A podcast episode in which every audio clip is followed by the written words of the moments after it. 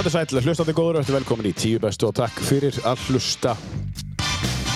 Um, við sitjum hér, ég og viðmælandi minn sem er komin, uh, já, langt að til að taka þátt í þessum þætti uh, í podcaststudió Akureyrar PSA heitir það, psa.is. Uh, þú getur fengið allar upplýsingar þar eða þú vilt byrja þinn podcast ferilega að taka upp. Komast í gott hljóðverð sem er allavega fullkomið og, og, og, og gott og þetta er allt staðsett hér á Akureyri. Við sendum upp uh, á höfuborg uh, Norrlands. Kostuðunaraðilar þáttarins eru sem hér segir atomos.is en það er fyrirtæki sem að selju óljur sem að já, þú átt að bera á þig. Það er yðnaðar hampurinn það er svona hempóljur og ég verð að segja, ég er búinn að prófa þetta og fekk það list, til list við mig Um, vegna þess að þetta bara alveg þrælvirkar. Uh, ég þurfti eins og að tíu daga til þess að finna þennan mun sem að þeir gefa út að það þurfi.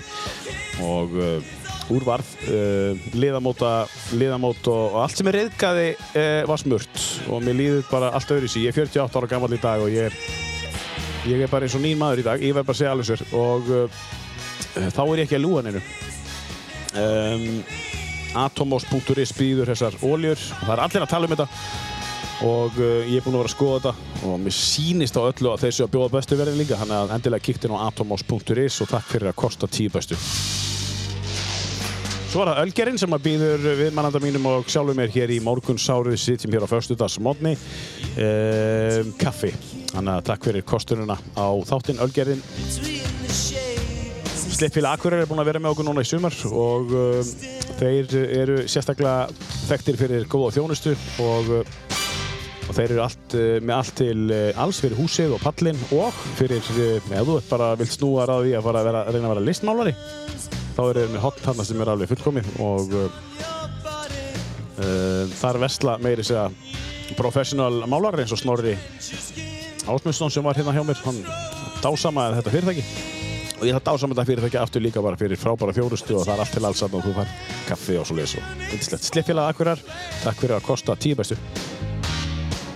Anlas.is, takk ég vel eftir þessu fyrirtæki. Þetta er fyrirtæki sem að, er að sérhæfa sig í mótorhjóladekkjum fyrir íslenskar aðstæður. Og ég kefti mig þeim í sumar og uh, maður þarf að keira þau einhver ja, 200-300 km til þess að finna munin og ég, sama hér, ég setti mig í samband við Anlas.is og, og, og báða um að koma í samstarfið mér vegna þess að uh, það er allt annað að keira hjólum mitt í dag. Ég keiri húskvarna Vítpílen hjól 2018 og uh, Ég fekk hérna milligrót ekki á þeim og ég verði að segja að uh, þú verður að kíkja á þetta, kíkja á þetta vegna þess að ég var á Michelin dekkjum áður, Racer dekkjum og það er bara miklu betra, uh, betra grip í beigjum, miklu betra uh, grip hvar sem er þegar maður er að keira hjólið, þegar maður er að halla því og beigja því og að keira eitthvað langar ferðir. Um, Anlas.is, takk fyrir að kosta þáttinn tíu bestu.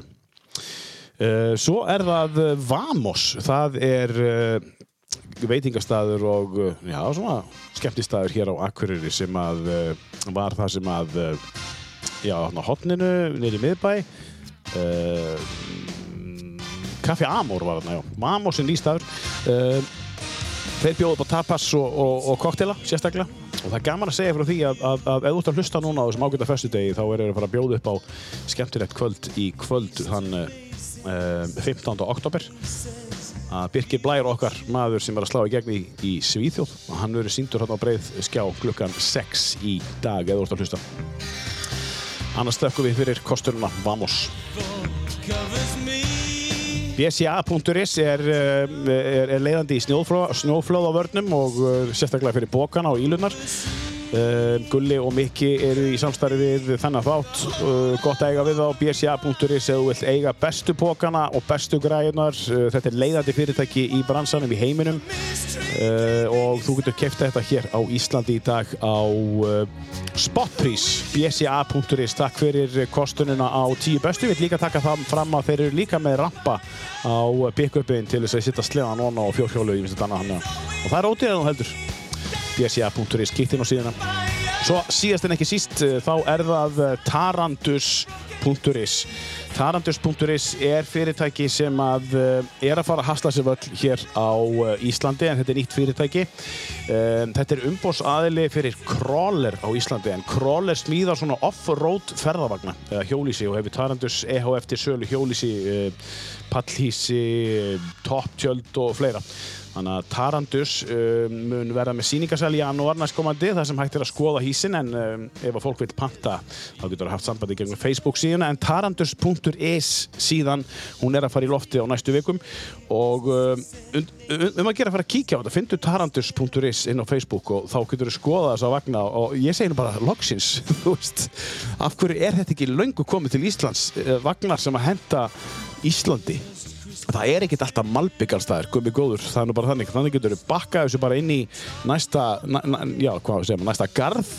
Og þetta er dempað og, og já, þú verður bara að kíkja á þetta. En takk fyrir kostununa á tíu bestu Tarandus á Íslandi En þá er það það sem skiptir aðalmáli í dag og það er viðmannandi minn og hann er komin allaveg frá Kýpur. Hann án og stopp hér að hitta fjölskyldu og vini og ég misti þetta annað og á einhver viðskiptaleg tengst hér líka fyrir að draga með sér ísteytinga til þess að kaupa íbúðir.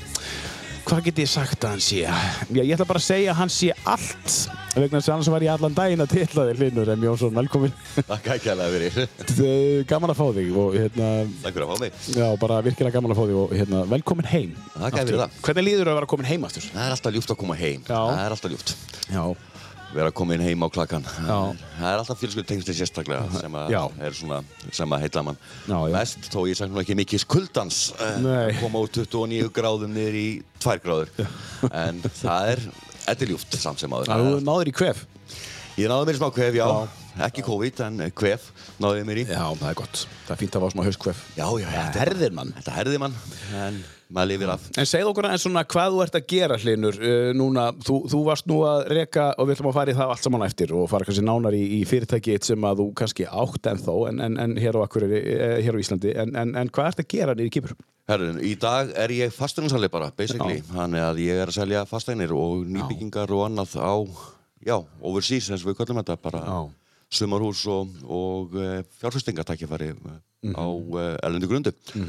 Og uh, það var ekki stefna þegar ég fór út reyndar að fara í þann bransa. Ég er eins og ég segi, mentaður uh, þjón og í hótelgeranum meira og fór út í þeim hugleggingum. Það getur að hjálpa samt í þessu Það sjálfsögðu, það er þjónusta. Já. Það er þjónustu, já. þjónusta viðskiptavinni á öðru level, ekki bara að selja, heldur þetta líka þjónusta alla leið. Þannig að, Já, þú fylgir þeim bara alveg frá Algjör- A gangur til þú konum með liklana og búin að elda matinn í fiski já, og með rúmlega það, ég vil fylgja alla leið í ferlinu og vera með fólki í ferlinu og eiginlega er bara sk- skapa vinskapirunni líka Já. með mínu viðskiptavenda og vera persónulegt og ég vil gera þetta á svona öðru leveli heldur en bara að selja þér og svo bye bye, sko. Þannig að mér finnst um að gera að veita, já, eins og ég bara persónulega og góða þjónustu. Já, já. og ég hef alltaf verið í því, þannig að ég venda á mjög vel heima við hvort það uh, upp á það að gera. Þannig að það snýst ekki um peningana heldur snýst þetta um að veita bæði ánægju og gleði og sjá gleðina hjá öðrum ég finnst það, það er að gefa mest, mesta gildið sko. Þú færð mikið út úr því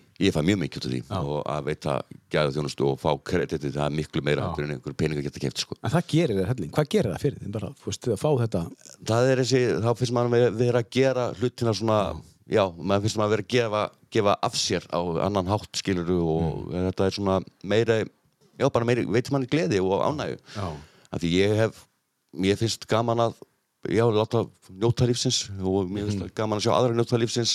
Og ef við getum verið partur í því að fylgið í því ferli að láta fólk líða vel að þá er það, ég segi, þetta er einhver velíðan sem að þessi þjónustulund í mér er gríðarlega sterk sko. Ég hef fylgst með þér á, á Facebook og, og, og fyrir það erum við eh, ágætis félagar og, og hérna mm, hver þekkir þig, ekki Linn Æsvitt, eins og ég fór á sínum tíma, á sínum tíma um, um, Þú virðist njóta lífsins mikið Þú ert Já. svona glaður í eðlinu Ég bara jákvæðinni, þetta er nummer 1, 2, 3 er bara að hafa jákvæð hugafar Já. Hvernig gerir þetta? Þetta er náttúrulega, ekki að segja þetta sé eitthvað auðveld eh, alltaf, Nei, en auðvitað fer maður í neikvæðu hliðina en það er að ég segja að það er alltaf eitthvað jákvætt í öllu neikvæðu Mhm. það er bara basically al- alveg þannig og það er mjög fljótt að líta á þannig að allt eh, neikvætt lítur að vera einhver jákvæða pósta sem maður getur litið á og það er alltaf Mhm. eit- eitthvað gott í eh, bakvið og, og karmað og annað mun koma í með jákvæðaströym eða þú gefur jákvæðaströyma til baka sko.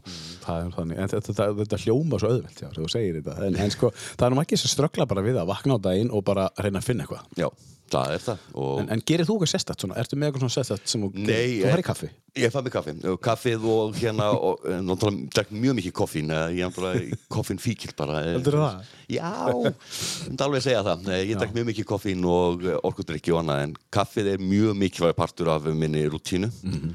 Og ég vakna bara ekkert ef ég fá mér eitt, tvo kaffibotla þannig fyrir á stað sko, það Mhm. verður að vera kaffi.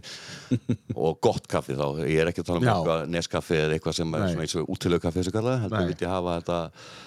Já, svona eitthvað að bæna gott kaffi þannig að Já, setur kröfur þar. Já, já, ég er mjög kröfu harður á kaffi að En setur þú kröfur á sjálfa með jafnarar? Já, Já. ég geri það. Og eh, náttúrulega ræktinn og annað þegar ég var að eh, náttúrulega hef stundar mikið líksagt sérstaklega senni árum. Mm. svo verður maður vola slakur við sjálfan sig og góður og, og dettur úr eins og maður þekkir og sem að þú er komin í ákveðna rútínu og svo hérna gefur þið frí og þá er alltaf erfitt að fara aftur á stað. Og, en það er mjög gott að geta vakna á mónana að teki hérna rútínuna og fara inn í daginn og byrja ræktina og taka og ég hef gert það yfirleitt núna sem þá senni tíð að taka bara einhverja smá æfingar heima inn í herbyggi maður segja arbegjur og eitthvað svona aðeins bara til þess að koma sér í gang Já. og en það er alltaf, mér finnst alltaf gott að fara í ræktina taka klukktíma í ræktinni alltaf að til að byrja með sko Já, var það COVID sem að gera það verkum og þú varst að æfa heima eða varst alltaf búin að æfa heima? Ég hef æft mikið heima, sérstaklega á þessu COVID-tímum eh, þá hef ég alltaf tekið ykkur æfingar sérstaklega ég verið í fitnessinu þá var þetta orðið þannig að ég var komin að æfa tvisvar, þrisvar á dagstundum eins og þetta, það, svo ruggli rútína er náttúrulega stundum þetta er kannski eðans yfir, yfir limitið en ég eiginlega bara óþjálfaði, ég hef segið eins og er þá eiginlega fór ég bara og var bara þreyttur á þessu og hætti. Og svo núna fyrir þegar ég kom út aftur þá byrjaði ég aftur í rættinni það var lengi að byrja. Mm. en uh, mér fannst vola samt uh, gott að geta uh, hend mér svo inn í rættina aftur þegar ég loksins byrjaði. Já. en og eins og við segja þetta er bara hvað ég segja rútína sem að er, er, er En þú æfir öðruvísi núna heldur en hún gerir? allt allt öðru sér, nú er þetta meiri ánægina ekki, maður var náttúrulega að kvelja sér í þessu fitnessi þó að þetta hefur verið gott að mörgu leiti mm. en eh, upp á að halda sér í sko rútínu kerfilega séð sko mm. og, og eins og við kannski kom inn á eftir að þegar, þegar sérstaklega eftir ég hætti að drekka hana þá kom þetta alveg í staðinn fyrir það og Já. koma sér í þessa rútínur mm. að því að þegar átti hinu pakkanum þá ætti ekki minna rútínu sko Nei. þetta er náttúrulega Já, það er engin rútina í drikkjunni. Nei, ekki bara að fá sér í glas og vera bara fullur. Já, meinar.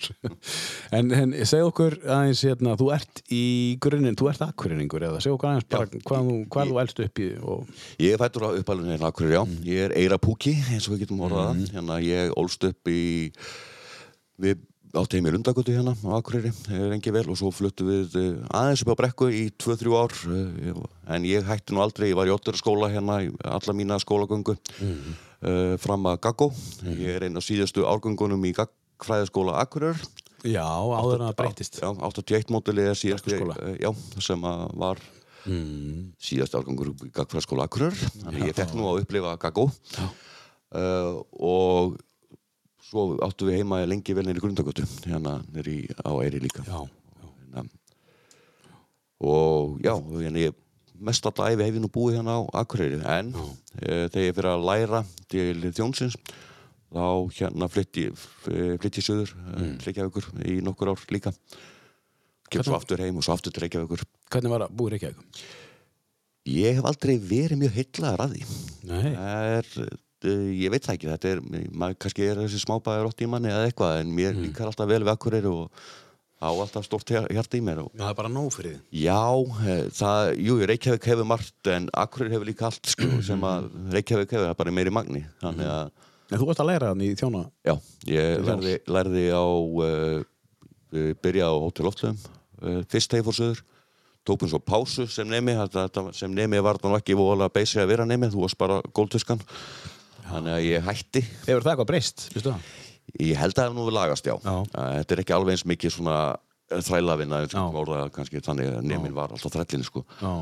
En það var ekki verið að kenna mikið þetta og meira bara þú ættir bara að gera verið í uppaskinu bara og fá ekki að gera neitt og þú lærðir ekkert Nei, að- nei, já, meinar. og svo breytist það, svo fer ég söður aftur eh, kem hérna heim og ég fer bara vera, gerir stræstitæknir á strítu. Ég hérna fer að þrýfa þar á nóttunni. Og Já, á nóttunni bara? já, ég gafst bara upp á þessum bara veitingabransalmi ég bara, fekk bara gubbuna út af sem nemi að ég bara gafst upp. Já, en fekk svo ákvaða að klára samningin og fekk tækifæra að fara aftur söður og fer á lækjabrekku. Og, Já. og lærði, kláraði þess að nefn á lækjabrekku og var svo veitingastjórið þar í smá tíma. Og já, ég held ég að venst þar alveg hætti í fjögur að fimm ár á brekkunni þannig að góð staður að vera á. mjög góð staður að vera á og meistari minn þar var frábær og gaf mig tækifæri að Já. einmitt að fara í veitingastjórastöður og taka ábyrð og læra svolítið meira á að vera fronturinn sko. Þetta er, þetta er svona einn af svona þekktari stöðum þá í þá daga. Já, já, Uh, Lækjabrekka.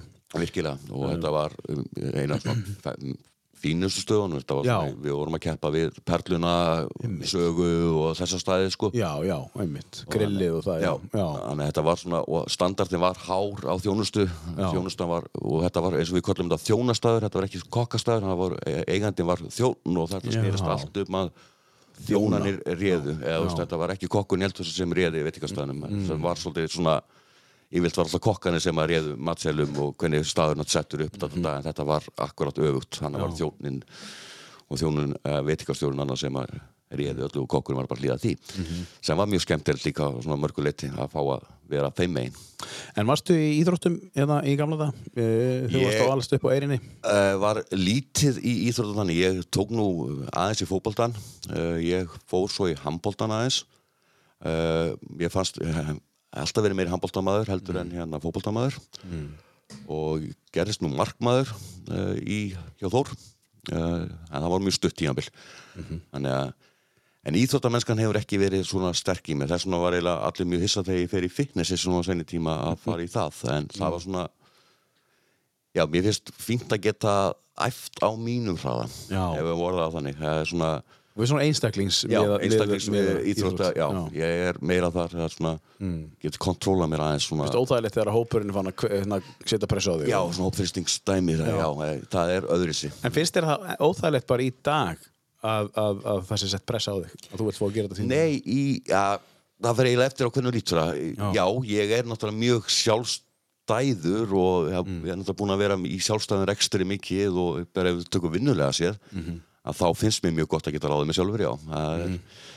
Þannig að já, að mörgu leiti á ég mjög erfitt með að taka skipanir.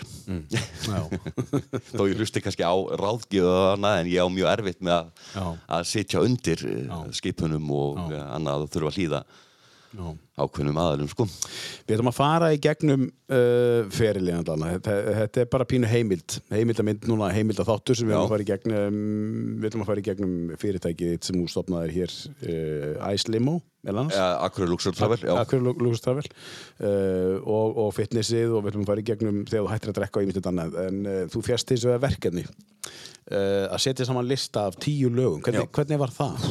Þetta var gríðarlega erfitt. Já, mikill tónlistamæður eins og þú ert. Þú, ert í, þú búið að vera útvarsmaður líka og, Ég er náttúrulega búin að prófa útvarpið bæði hér á Net FM þegar hérna Árni Már var með það og hérna Dabbi og svo hérna fór ég á útvarp Akureyri Já. við vorum saman það Já, já, það. hérna, og en já, ég er aðlæta tónlist ég er henni hlusta á allt þetta er allt þetta er bara mútin í mér sko Mhm. og að finna einhver tíu lög einungis að finna einhver uppáhalds tíu lög er bara gríðarlega erfitt Já, er það hægt? Það er eiginlega ekki hægt í rauninni ef við segjum svo er að fara að segja þetta sé upp á að segja eitthvað annað, það er eiginlega ekki hægt en það, þess vegna fór ég, þegar ég valdi þennan lista að þá svona tók ég svona upp á tónlistamennuna mína í gennu tíðina og svona kannski hvað ég náðu kannski að tengja aðeins við í lögunum. Já. en Já, einhverja sögur eitthvað? Já, svona þannig séð en ég er, er gríðarlega aðlæta tónlist. En ef við kannski tökum svona tímabil að þá er ég algjör 80s maður. Þannig að 80s tónlistin höfða mig alltaf mest og ég er mjög fastur í 80s tónlist þannig séð eða hreinlega bara í Europop. Mm, Já, já, það er veist, það svolítið er Harkjarna Europop, við byrjuðum á á hérna 80s lagi, þú fyrst nú að hafa puttana í uppáhalslæginu Já. um, það hefði geta verið á listaninu uh, af YouTube Kill með Duran. Duran Bond-lægið Bondlægi, Tengir Djúran það. Djúran uh, og allt þetta, þetta ég var miklu meiri Djúran Djúran fan heldur en Vammari til dæmis það, uh, þá var ég Djúran Djúran aðdáðandi alveg frá Attilu uh, allt sem Djúran Djúran gerði var bara æðislegt.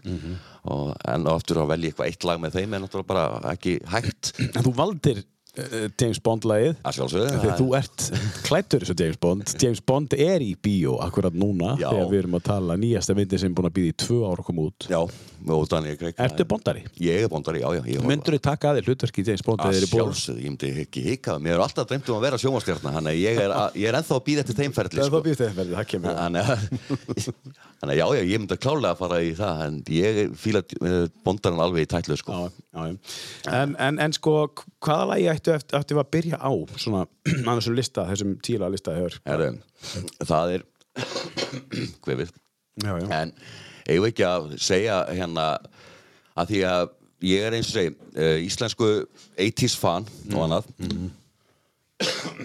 Já, já. en mér langar að byrja heila bara með hérna ef ekki bara taka svona sveitabalastemningun og annað og hérna því að þetta var svona tímabil sem að maður lifir á að fá að upplifa sveitabalastemningun og annað þá var ég algjör skímófan. Þannig að ég held að skímó fáðu bara að byrja uh, hjá okkur. Akkur þetta lag með þeim? Hvað, hvað var það sem gerði það verkum að þetta lag? Perigan og endalist á lögum? Já, einn með þér, mér finnst þetta uh, gríðalega fallegt lag. Þetta er eh, virkilega svona romantist uh, og uh, þetta minni mig á þegar maður var í öllum þessum sveitaballarstæmi og er að ná sér í góða konu og þetta var svona ástasorgin og allur pakki sem kom upp í manni það, þá var þetta hlusta alltaf í bílnum. Uh, þetta var svona, En þú ert balluð, þú ert balluð maður í ég er maður Já. rosabalöðu maður. Já, já. Þannig að Romantískur Já, ég held alveg að tellja mig romantískan Já. Ég finnst alveg ga- gaman að fá að stjana við uh, makka og annað ef að, Já. þegar það, það kemur Það kemur bara sérna Er þetta með heyra lagi hérna, einn með þér, þetta er lagi sem að Gunnar Óla semur og syngur að með heyrist Heyrum brot úr þessu frábæra lagi af listanum hans hlins Langar samt að segja þér svo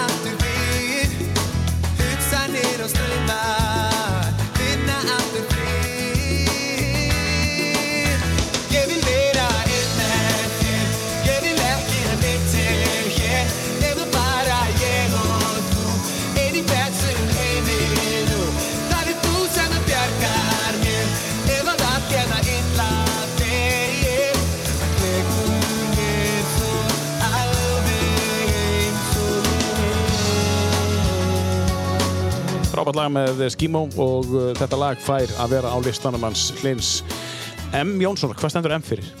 Már Már, það er Már, já. Já. Hlifinu Már Jónsson. Uh, Skimo, einn með þér lag eftir Gunnar Óla. Um, þetta er frábært lag. Þetta er gæðið lag Já, þetta er gæði í þessum lag. Þetta er eins og sé, þetta er eitt af lögunum sem verður sannlega á allt á toppum hjá mér Já, þetta er þannig. já, þetta lag er eitt á klálega Það er, það er einnig sem heitir Gunnar Ólafsson sem er ánægð með það held ég. Já, þeir, eins og segi, ég, alveg, þetta er bara, já, ég segi bara, kem ekki yfir því, þetta var alveg 100% þetta lag sem var á listanum, þetta var eitt af þessum 100% lögum sem var, pottið á listan. Já, við ætlum að tala um þessu 100% lög þegar þau koma, bara að þetta sé 100% lagi þannig við vitum að þetta voru ykkur fjögur og fimm lög sem voru Já, ég á 100%. með fi- fimm sem að svona, já. voru eiginlega alveg 110% Já, sem og að svo eru á voru svona listanum. fimm flæðandi kannski. Já, sem að ég var meira að velja svona randomly. Herri, við vorum að tala um uh, þjóna hérna, Er, já, ég kem sér aftur norður hérna og uh, hitti hérna og uh, ákvaða að halda áfram í námi. En ég var ekki alveg viss svona hvaða ströymar og annað. Ég sett upp, uh, er að vinna náttúrulega í þjónageranum hér á Akureyri, eitthvað annars. Ég var með eins og hérna hjá Einari Geiss hérna eins á Karolínu þegar það hétt og var og, og, og já var þar veitingastjóri með honum og fer svo í veisluþjónustu mm -hmm. sett upp veisluþjónustu á ásand fólöldur mínum út á Áskarsandi. Uh, við förum í það að setja upp veisluþjónustu og uh, fleira sem í kringu það til þess að bara í ferðarþjónustuna almennt að við vildum byggja upp svæðið þannig út á þetta nú fyrir hvað, að, allt mörgum árum allavega mm ég man ekki alveg nákvæmlega ártalið sem við byrjuðum það og það veri veislumiðlun sem við opnum þar. Og átti að vera upphaflega hugmyndina þegar áttu nú bara, ég ætlaði bara að miðla veislum sko, ég rauninni ætlaði að kaupa mat af kokkum og annað og að vera með sal og fara svona vitt og breytt að miðla í rauninni bara bara viðburði. Í rauninni, þetta ætlaði bara að vera viðburður og annað sem ég ætlaði bara að við með það Uh, og það gekk bara fínt, við vorum með það veistumilun og við getum tvekja það stræt og við vorum í ykkur sætsýningferðum og ykkur skemmtileg heitum og þannig að prófa ímislegt mm -hmm. uh, þannig að það var virkilega skemmtilegt uh, svo uh, átti, átti ég heim á Áskarsandi og ég hérna, þar kynnist ég stelpu sem er nú barsmóða mín Já. og það eignast ég stúlku sem er 13 ári í dag Mm, hvað heitir hún? Tanja Rós Já. og, og hún en segi þá hún kemur þar í, út á Áskarsandi þá kemur litla skvísan mín eh, eins og ég segi þannig að þá en á þessu tíðanbili er náttúrulega mikið, ég er náttúrulega orðin mjög blöytur á þessu tíðanbili persónulega að- en Þetta var ekki alveg að henda þetta starf þá eða? uh, nei, ekki alveg svona ef barnir og nálatmanni þá er þetta alltaf auðvitað nálgast hann Já, en, já. En á þessu tíðanbili samt hérna er ég virkilega creative Mm. og ég sé svo til sölu gamla Hotel Siglunes á hérna Siglufyrði Mm. Sem voru bara gangnabúðir eh, hérna fyrir þá sem voru að gera híðinsfjörðagöng þannig að þetta var, hó- var hótel var náttúrulega komið í svona bara verkamannabúðir. Mm. og ég fer í það að leigja það húsnæði og setja upp hótelekstu þar aftur uh, ásand uh, fóröldum mínum aftur. Þannig að ég, við setjum það upp og það er uh, og það var virkilega spennandi verkefni en á sama tíma er Robby að byggja sitt Hótel Siglufjörður. Á sínu hann út ekki Með alla milljarna sína? alla sínar miljónir og allt það og ég með ekki neitt. Þegar nema bara mömmu og pappa og sjálfa mig. Og þannig að fjármannir voru ekki til staðar en við náðum svona að gera hótelið að virkilega svona heimilislegu og fínu og það er ennþá starfrækt undir, undir sömu fórmerkjum en það heitir enda sér hótel Siglunis í dag en eins og við svona tókum það og settum rekstunni þá er þetta ennþá eh, hótel í dag og ég er bara stoltur af því að það gangi bara frábælega Já, já. ég var með það í tvö ár eh, á sama tíma og ég er að setja hótelið þá ákvæði að fara einni í ferðamálafræði á háskólanum og hólum í nám. Og tek bíða námið í sagt ferðamálafræði. Og eh, langaði að fara meira að gæta og fara meira í þann pakka. En aftur á móti eins og ferðamálafræðin er náttúrulega svo viðtæk eins og það er. Að mér finnst það bara að henda líka inn við þjónin og annað. Algjörlega. Að uh, hafa ferðamálafræðina líka. Þannig að ég fór á háskólanum Hólum og flytt á háskólanum Hólum.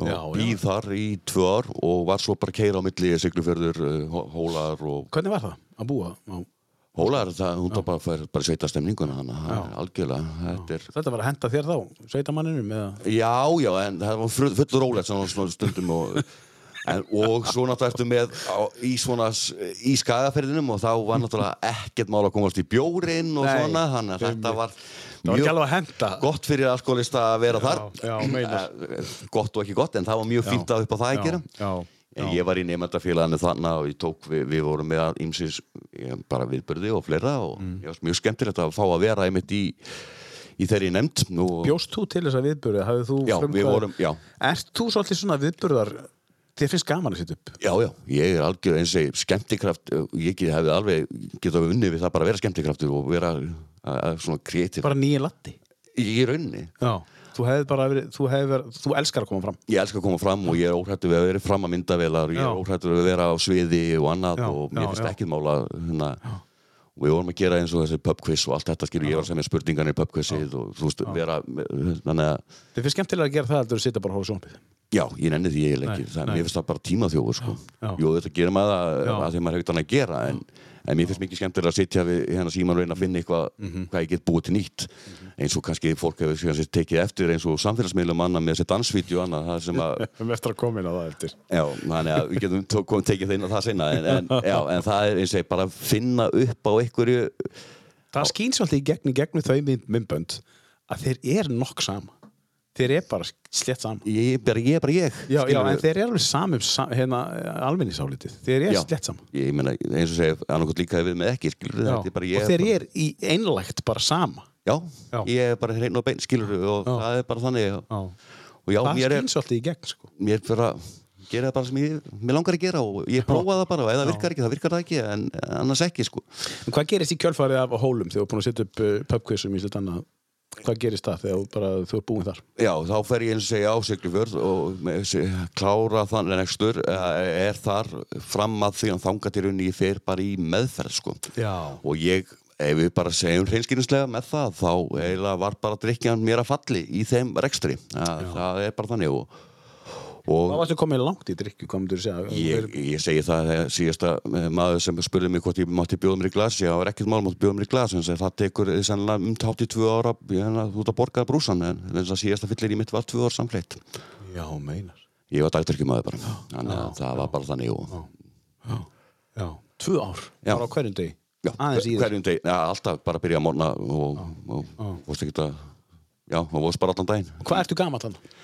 Ég er, eins og segi, þetta er um, hvað, núna er ég færtugur, þetta eru tíu ár sem ég fór í meðferð, þannig já, þetta er 27 ára 27, 8 ára, 27, 8, 9 ára, já, slis. Já, já Og hvernig, uh, hvað var til þess að þú fórst í meðferð? Hvað allir því? Það er eiginlega bara litla dóttir mín. Já. Ég eiginlega segja að hún sé bergvætturinn minn, ef hún hef ekki verið til þá hefði ég ekki hætt. Nei Það er eiginlega bara þannig Já, og, það er svoleiðis og uh, hún, ég er náttúrulega einstæður faðir hana, uh, segir, ég er með hana einn og hún bjó hjá mér. Já, og ég fæ í rauninni uh, allan pakkan ef við finnum bara í djúpu og erfiðu pakkana þá er það þannig að uh, ég fæ barnavæntanemnd og allt þetta á mig og áttu bara að taka hann af mér og allt þetta, ég er eins og bara skrapaði botnin bókstaflega. En ég fekk tækifæri því eins og þau sögðu við mig yfirvöld og annað að ef þú snýrði við blaðinu þá uh, láttu þetta bara dött niður liggja. Ef þú, að því að þú hefur stert bakland og ég hafði stert bakland bæði fóreldra og annað. Þannig að já, það skiptir máli í þessu. Að sjálfsögum, það er náttúrulega skiptir öllu máli og, og um, barsmáð mín er tölvert yngri en ég þannig að það, hún var svona á þessu tíma í réttum tvítugt en svona, þegar svona sáðu þannig að munar níu, átta, níu árum kannski á mill okkar og uh, ábyrðin var bara meiri á minni hálfu mm -hmm. gagvart þeim, fannst þeim. Og, en við vorum með sammelega fórsjá og allt svoleiðis en uh, samt sem áður ólst hún upp hjá mér og uh, hefur gert það fram til uh, þá hún því fyrir út eða til kýpur. Já, já, og þá fluttum til mömmu sinnar. En annars var hún helgamamma bara og annars bjó hún meira og minna hjá mér. Og þess að ég segi, hún er deimaturinn minn og hún er bjargvætturinn minn. Það, það var til þess að ég hætti og ég sagði við að ég ætla ekki að sjá dóttir mín eða vildi ekki að dóttir mín myndi alveg upp að sjá mig í þessu móki sem ég var í þá. Hvernig, eh, hvernig er að taka svona hérna, sterka afstöðu? Hvernig er að taka, þegar þú ert búin að vera dagdrykkjumar í tvö ár, hvernig er að taka skrefið þarna? Eh, þetta er virkilega erfitt Það er ekki að viðkynna svolítið. þú, þú ert bara algjörlega viðurkenna Já. og þú ert algjörlega viðurkenna það líka að þetta er algjörlega þín sök þú getur ekki fara að kenna öðrum um það eða þetta var það, jó, til bæja að kenna eða eitthvað svoleiðis, þú er algjörlega að taka ábyrða þínu og viðurkenna það að það er þú sem að ert vandamálið ekki, eða hausin á þér sem vandamál og þú verður að takast á að, að hérna að sætast við það Hefur þau verið alinn þannig upp af fóruldurinnum að þú þurfur að axla ábyrð alltaf? Já. Það, var, heldur að það hefði verið þá auðveldara fyrir því þessum tíapunkti að viðurkenna heldur en kannski fyrir einhvern sem að á erfitt með að viðurkenna mistök Já, sannilega, ég, ég alveg viss um það sjálfsögðu er það eitthvað sem kemur þar inn uh, því að hausunum mann er náttúrulega klikkaður að, að það komi að þessar heilastöðu að fara í ganga þú mm -hmm. Annarkort núna eða þú búin að missir allt skilur og áttar þig á þú veist þessum póstum sem eru til í, í heilanum sko. Eh, því að náttúrulega eins og ég segi þegar áfengið og hérna þessi starfsemi er fann að stjórna gjörsamlega lífiðinu og svo blindur á allt í kringu þig að þurfa að snúa því við að, að reyna að drepa það niður er bara gríðarlega erfitt. Og uh, eins og ég segi hérna, ég segi það ofta ég man ekki eftir þegar ég var að opna bjóruna því að ég var svo blindur á þú veist, ég, ég er ennþá að hugsa blackoutinn og annað. Þegar þó sem ég hef sagt 110 sinni við mig, ekki drekki í dag, ekki drekki í dag ég ætla ekki að drekki í dag. Samt sem að manni eftir ég sitt við borð og ég er bara búin að drekka þrjá fjóra sko, og ég man ekki hverju hvað, hvað þetta kom frá eða neitt. Nei. og ég man ekki ennþá daginn í dag. Er bara, hvern, hvernig er að taka ákvörður hlinur um þetta og, og vera síðan ekki að opna bjór? Hver er, hvað er það sem gerist? Þú veist, uh, hva, í, Sko, hvað gerur í dag er þetta bara þannig ég segi það einfallega að þetta er bara ekki til í hausnum áfengi, ég bara, ég bara blokkar þetta bara kemur ekki, þetta er ekki til þetta er hérna þetta er náttúrulega ónauðsynlegt, þú þarft ekki áfengi til að lifa. Nei, nei, nei, þetta er, bara, þetta er eitthvað sem þú getur sleppt Algjörlega og vímöfni almennt sko, er þetta náttúrulega bara að þannig en hérna, þetta er, eins og ég segi, ég lokaði bara á þessa stöð, þetta bara verður ekki bóði og verður aldrei bóði. Mm. Þetta er bara, það var bara þannig séð auðvelt fyrir því að gera þetta nei, ég var ekki Nei. öðvöld. en hvað segja okkur hvað þú gerðir Herri, fórst í meðferði Ég fór í meðferð, já. Ég, já. sem sagt, eftir hana, þetta vesen hana á Siglufirði, að þá fer ég uh, á vók og yfirleitt er nú talað um tíu daga meðferð á vogi uh, svona til að reynsa mann upp. Ég var nú í rétt rúmlar þrjárveikur á vogi, það vil ekki útskrifa mig, þú veist þú mátt útskrifa það sjálfur á vogi ef þú vilt það, en ég var uh, aftur á móti kemur aftur á þjóskuna, Já. að þá lá ég hennar vogi og það í þrjár vikur og það var alltaf spurningi á Þóról hennar Þórúli Já, Þórólfi, já. já, að hérna, já, hvernig eftir í dag ég er bara mjög góður, já, fínt farið inn aftur Já. þannig það var, ég var aldrei ég var alltaf ofgóður og þá- vildi hann ekki útskrifa mig sko. en, Nei, nei, nei, en ég fer í meðferð og berst við djöfla og, og drauga og allt það, náttúrulega gremjuna og allt sem kemur þar yfir. Uh, ég, ég sef ekki í tíu daga bara algjörlega samfleitt ég er með tremma bara þetta er bara ein mesta, versta upplifin sem ég nokkuð til að upplifa á æfinni að fá þess að tremmaköst og annað og, hvað er það, eða skjálti eða? Nei, þú ert bara með e, ímyndunarveiki. Ég reyna, þetta já. er bara ímyndunarveiki þú ert í sveitabaði, ég til dæmis var að vakna við bíklurna árásir uh, og það voru svo raunverulegar að mér lá eins og það væri bara búin að stinga mig til dauðar sko, og. Og þú ert að ve- veltast um í svitakasti og öllu, þetta er bara og ég hef ekki að trúa þessu nema að bara að þetta væri til, nema maður setja bara bíómyndum þegar fólk er svona að afreysast sko. Og er þá líka minni mitt að? Já, þetta er það sem og þetta reynsa sko alveg og en uh, þannig að þetta var bara eins og versti bara viðbjóð sem ég upplifa á æfinni sko. En, en þjóskan og annað og, og þeir neittu að gefa mig svefnlif og annað, ekki lif og ekki neitt þannig að ég er bara hann á þurkinum á háu stígi sko en var í þrjár vikur þannig og fæ svo að fara heim í tvær vikur. Og í bómull hjá mamma og pappa ég bara, þau heldur mér alveg í bómull af því að þetta er akkurat um vestumælgi sem ég kem út af vogi sem er náttúrulega mjög góð tími fyrir alkoholista að fara beint út af vestló og, en við vorum að siglu fyrir og við vorum að klára ákveðum mál þar. Þannig að þau heldur utanum mig og við, ég náði svona að hreinsa hótelið og láta það í uh, svona koma því frá mér. Og fer svo afturinn á vok já, viljandi. Já, ég, ég, það var bara að ég hef til þess að fara í eftirmeðferð og ég- til þess að byggja upp að þá þarf að fara aftur inn á vók í viku. Og þá færðu að fara í eftirmeðferðina svo kallar eins og þá var staðafell eh, sem að hétt og var eh, miður það ekki lengur í eins og það var það með það sem að bjargaði mér. Segi ég, eins og á staðafelli eh, þegar við búin að viku á hérna vogi að þá ferðu inn á staðafell og þar eh, er bara að byrja á núli þá kemur þú inn með ekki neitt, ekki sjónvarp, ekki blöð, ekki síma, ekki neitt, þú ert bara að fara út í wild nature og þú ert bara, herru, þú bara byrja nýtt líf, kallið minn. Já. Hér eru við bara, uh, þú heitir bara Linur og þetta er bara, nú er núlpunkturinn, bara nýtt ára, uh, bara ný fæðing að hefjast, já, skilur. bara ný fæðing. Já, þú ert bara komið bara nýr maður. Og þar byrja bara uppbygging. Og þá ertu náttúrulega að fara yfir gremjun og þetta og, hvað, og, viðurkenna þessa hluti. Já. Að þetta er ekki bara uh, veist, svona, þessum að kenna þessu að kenna eða áhrifin út á þessu da, da, da, heldur að læra á að lifa með sjálfum sér og lifa í þessum ótta og lifa án áfengis og allt þetta og byggja bara upp stöðuleika Þú talaður um það áðan að, að hérna, að, eins og þú að barnavend kom inn í þetta og sagðir að við, þau hafi sagt við skulum sleppa þess að þú ert með stert bakland. Er gott samband á milli þín og fóreldra og já, og þú hefur alltaf fengið bara alveg bara opbáslega mikið stuðning. Og, og við erum virkilega náinn já. Uh, bæði skinni mín og hérna hjálpaði það þér í, í uppbyggingun algjörlega. Og uh, bæði með það eh, og hins segi með þau voru að taka dótti mína og annað og aðstofa við það og, og þau eiga bara virkilega þakklætti og fyrir þólið með hennar gagvart allu þessu rugglið sem hefur verið í gangi. En kannski ekki rugg, þetta var bara var Já, þetta er sjálfsögðu eitthvað bara hlinur í Nei, einhverju nei, og þetta er eins og og, maður viðkenna þá og sér það að þetta er Já.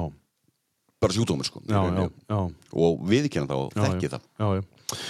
Um, mér langar aðeins að tala meira um þetta þegar þú kemur tilbaka og þegar það, hvernig þið líður í dag en, en við ætlum að spila lag hérna núna Mm. sem að kannski tengist þessu. Þetta sem er á listanleginu Akkurat þetta segir bara akkurat, ég tengi gríðal við þetta lag því að Eminem syngur þetta lag.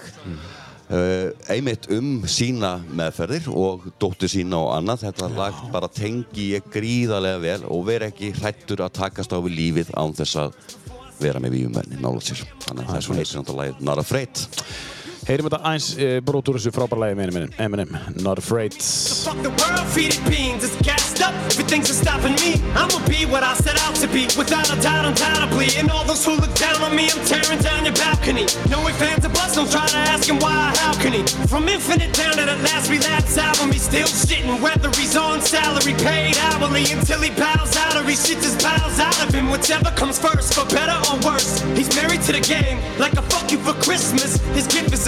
curse. Forget the earth, he's got the urge to pull his dick from the dirt and fuck the whole universe. I'm not afraid, I'm not afraid to take a stand, take a stand. Everybody, everybody, come take my hand, come take my hand. We'll walk this road together through the storm, whatever weather, cold or warm. Letting you know that you're not alone. Holla if you feel like you've been down the same road shit and cut the crap. I shouldn't have to rhyme these words in the rhythm for you to know it's a rap. You said you was king, you lied through your teeth. For that, fuck your feelings. Instead of getting crowned, you're getting capped. And to the fans, I'll never let you down again. I'm back. I promise to never go back on that promise. In fact, let's be honest. At last, relapse. CD was aired. Perhaps I ran them accents into the ground. Relax, I ain't going back to that now. All I'm trying to say is get back, click, black clap. Cause I ain't playing around. It's a game called circling, I don't know how. I'm way too up to back down. But I think I'm still trying to figure this crap out. Thought I had it mapped out, but I guess I didn't. This fucking black cloud still follows me around, but it's time to exercise. These demons, these motherfuckers are doing jumping jacks. I'm not afraid, I'm not afraid to take a stand, take a stand. Everybody, everybody, come take my hand, come take my hand. We'll walk this road together through the storm, whatever weather. Spilar þetta eitthvað svona uh, reglulega þegar þú þarft á að halda eða bara þegar lagi er svo gott? e, ég, ég hlusta mjög ofta á þetta lag. Og hérna, ég tengi svo mikið við þetta lag þetta er svo stert hérna að því að þetta er, svo- er svo, margt í þessu textagerð, ef þú hlustar á textan í þessu lagi að þá er hann mjög sterkur uh, bóðskapur í því sko, þannig að og ég tengi virkilega vel við þennan bóðskap uh, hjá honum. Já.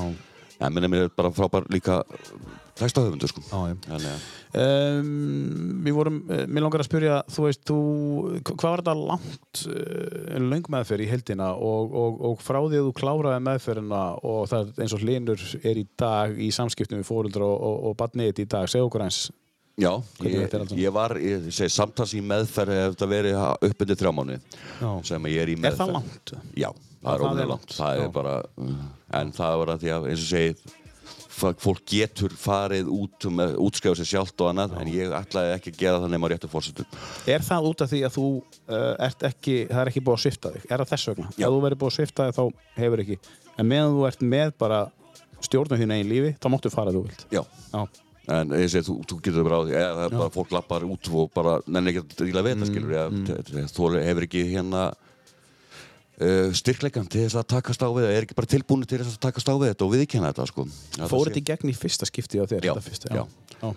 og ég náttúrulega fer svo eftir á og sæki að fundi og allt þetta en það var því miður bara ekkert að gera neitt fyrir mig að því mér fannst ég ekki að, þessi eigingirni og annað í manni jú, ég getur vel verið en ég sótti að fundi en það var ekki það sem að segja að hafa bjargað mér Að það er, Ok. ég er ekki hreinskilega sagt, þá er ég ekkert mjög trúar maður þannig Nei. og ég átti alltaf mjög erfitt með þess að trúar hérna hluta Mhm. en svo er náttúrulega eins og þeir segja náttúrulega IA sem er náttúrulega mjög gott bara að hafa að það er bara að trúa eitthvað aðra Þú trúir á sjálfa þig?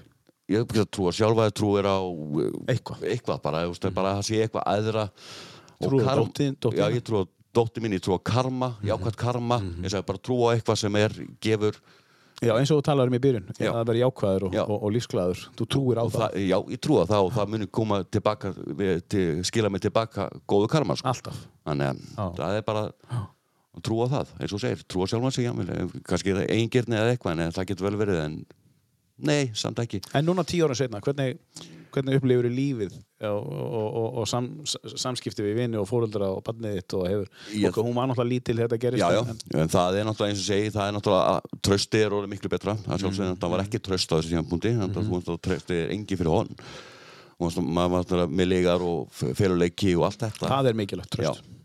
og í dag er ég algjörlega eins og ég hef sagt að ég er virkilega hreinskilinn almennt og ég segi bara mínar skoðanir og annað. Og það hefur byggt upp miklu meira heldur en að vera í innuleikjunum sko. Þú ert ekki sko.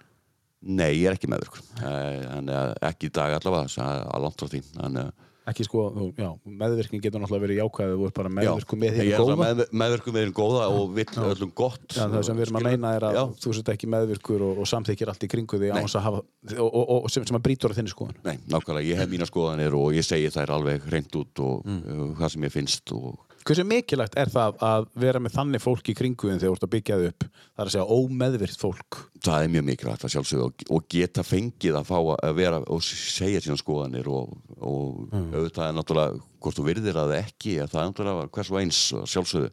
Við hefum náttúrulega öll rétt að hafa okkar skoðanir alveg saman í hverju það er. Þannig að það er mjög mikilvægt að geta fengið að eh, þú veist vera bara hrein og bein og eh, já og halda þú veist því strikki sko En, en, en sko, sko að hlusta, að aðeilin fyrir fram að því að, að hlusta á þig. Ég seg, það er að segja, virða skoðanir annara og það, það, það er náttúrulega 110% verður líka að sjálfsögðu og finna hinn gullna miðalvega sjálfsögðu Mm. en svo það er, það skiptir öllu máli Hefur einhvern tíma spáði að uh, menta þessi markþjóli í það sem þú gera nú? Nei, ég hef ekki spáðið það, Nei. ekki ennþá Nei, bara, maður veit aldrei hvað framtíð ég ætla að skora á þig. það er aldrei hvað framtíð byrði skoði sér Taka Ég kýpur eigu bara og, og leggja hana fyrir bara. en þetta er eins og ég, þetta er bara mjög skemmtilegt að, að, að geta að hafa fengi, skemmtilegt, þetta er um ég segi, ég lifi ekki í fórtíðinni Nei. en ég læri af henni. Hefur þið komið fram í skólum eða talað um þetta, einhver staðar ofinbeglega, Nei, ekki, opinberlega, þannig ekki, ekki nema bara á að sjálfsög aðfundum og svo leiðis Mhm, en, uh, en ekki uh, ópenbarlega þannig nema ég minnst á á samfélagsmiðlum og annað, þá tala ég reglulega um og, og þannig svona smáatrið og annað mm Mhm. skýt inn að ég er alveg ófeimi við að tala um það því þetta er sjúkdómur og ég veit alveg hvað þetta er og ég er bara ófeimi við að segja fólki hver ég er og hel- Heldur að þetta myndi hjálpa krökkum, ungum í dag sem að eru að, já, þessum aldri þar sem þeir eru að fara að taka upp pelan eða ekki að, að aðeins eins og þú kæmir kannski og segðir þína sögu heldur að það myndi hjálpa þá er þess að fólk sem hefur lent í því og Ég- gengið í gegnum það frekar en sérfræðingar sem tala um, um, um, um, um Já, skali held ég að eitthvað. Já, ég held að auðvitað hjálpa til að heyra raunasögu sko og hérna sjá hvað fólk hefur ég alveg sami í hverju það er að að heyra hvernig fólk gengur í gegnum þetta almennt séð og hvað er hægt að læra af mm hvernig þú vilt ekki fara sko og annað. Þannig að jú, ég held ekki að alveg hjálpa mörgum að hlusta á meira fólki sem hefur gengið í gegnum í mislegt og, og uh, þekkja bæði góð og slæmuleganar á hlutunum. En þú lifir, þú lifir sko, fínu lífið þarna þú, þú lifir líka þannig að þú, þú, þú verist vera svolítið mikil fagkjöri maður sér það, það skýn svolítið í gegn þú klæðir í vel, þú drekkur þú farir koktela á, á áfengislösa eðlilega skilur en, en, en, en, en sko og, já, já, svona selgerið maður sér að þú, veist, þú vilt hafa þetta fallegt og fínt í kringu þig. Já, já, um, hefur reglusemi. Já, reglusemi, sko. Yes. Um, ertu með einhverja svona rútínu á daginn þar sem þú uh, byggir þá og vaknar þar til að þú, ég sé að þú tekur fötin til Já, já, ég, og, ég, ég er búin að ákvaða fötinn daginn áður Já. Þannig að það er yfirlega Ég er svona alveg búin að setja upp settið fyrir daginn eh, á, eftir og annað Ég er enda að fata frí Hvað áttu mörg sett?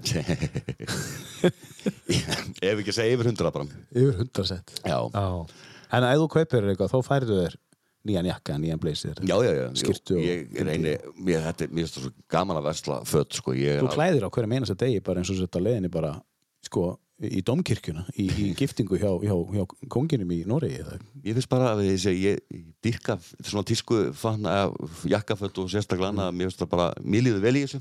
Já.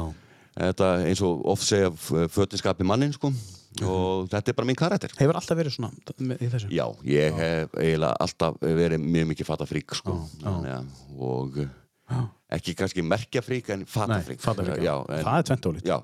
Ég, þarf ekkert endilega að vera í einhverjum rándýnum merkjum Nei. en ég get fundið flott fött sem kosta ekki mikið en, en Sniðugur. lúkka vel sko.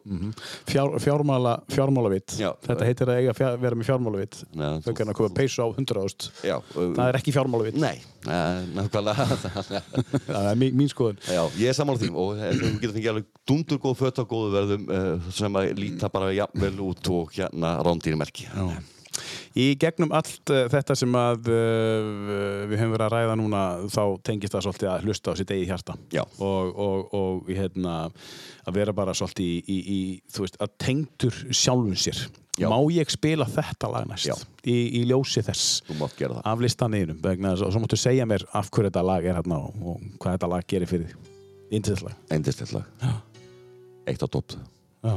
alltaf. Þetta er topp 5 alltaf. Já Og ég er náttúrulega bara Roxette fan. Já. Já. En þetta lag Ef ég segja það Það viltu núna Já, já, já, Þetta var alltaf spilað hérna í sjöunda og áttunda bekk í óttaraskóla Þetta var vangalæð. Þetta var alltaf endalæð og öllum böllum. Hvað er þetta að segja? Og Geggjað. þetta byggist, ég fæ alltaf svona flashback þegar ég heyri þetta lag eh, á einmitt vangadansin þegar maður satt í stólunum sikkur með við Já. hérna í ganginum og átt að fara að bjóða stelpunum upp í vangadansin á hérna böllunum í Ótturaskóla Æ, ekkert vandrarlegt við það þannig að já, þetta er, er yfir alltaf upp það minningar þetta var alltaf lokalæð Á, á mið, miðhæðin í Ódverðarskólanum efstu hæðin voru við Voru við vorum já. efstu hæðin Þú Herru, við skulum heyra brotur þessu frábæra lagi frá Halmstad í Sverige. Þetta er hljómsveitin Roxette og Listen to Your Heart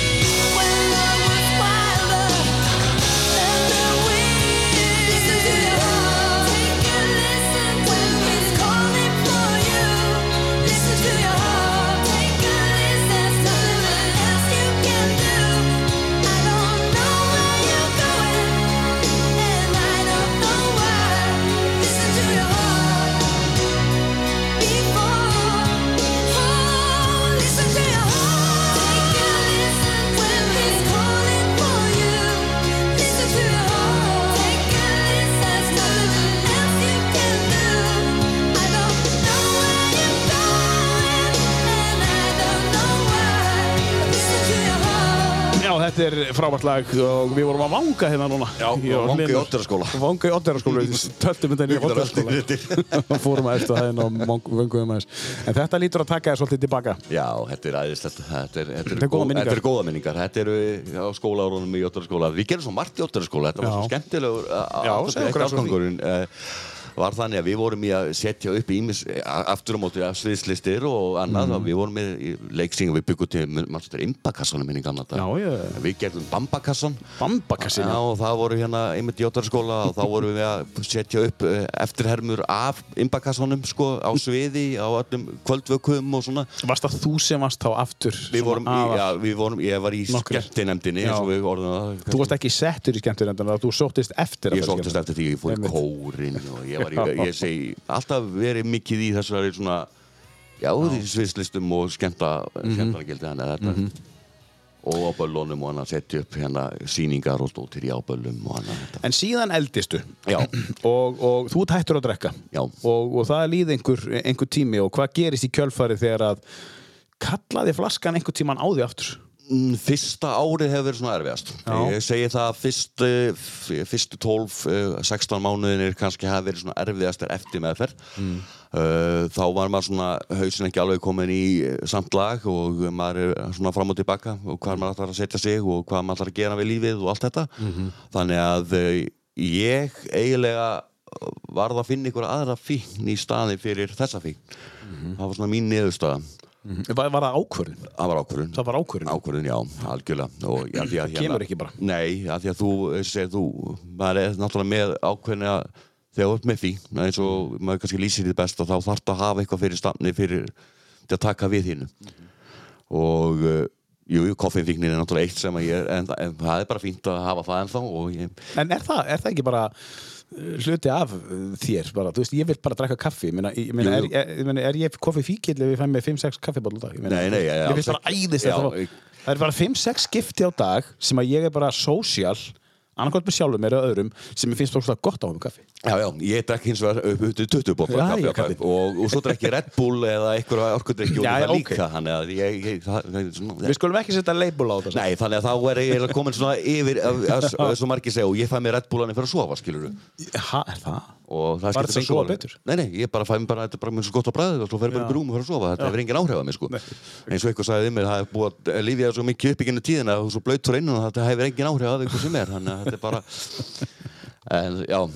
Þó þú sett búin að ferra þig. En þú tekur þessa ákvörðunum að, að fara í fitness? Já, ég fer hana í, segi, fitnessi kemur inn þá fæ ég fíknina til að svala fíkninni. Byrjar að lifta eða byrjar að hugsa ég ætla að verða fitness. Ég sagði það reyndi, ég ætla að keppa, keppa í fitnessmóti einu sinni.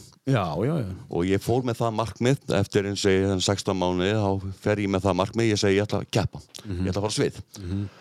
Og innan árs ætla ég að keppa í uh, model fitness og það bara, ég setti það bara markmið. Uh, bara innan árs verð ég komin á svið að keppa. Já. og það var eiginlega það sem ég stemdi bara að. Og, það, og ég fer bara púla mig út í á blastinu fyrir það að ná þeim árangri að komast á svið. Mm. ræði með enga þjálfara og annað bara því það var bara, þessi, ég setti bara þetta. Mm. punkturinn er bara að keppa einu sinni.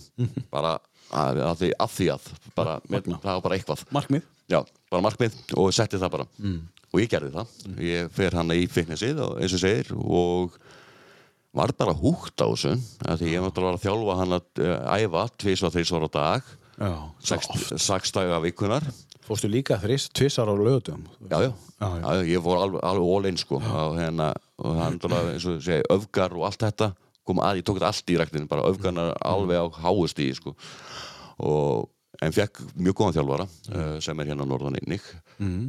Viltu segja hver það var? Já, já, Jó, Jó, Jóhann Ófurð og hérna Sigur Gesson sem að þeir voru með hérna Fitness Akademína og fekk þá félaga til þess að eh, setja mig upp.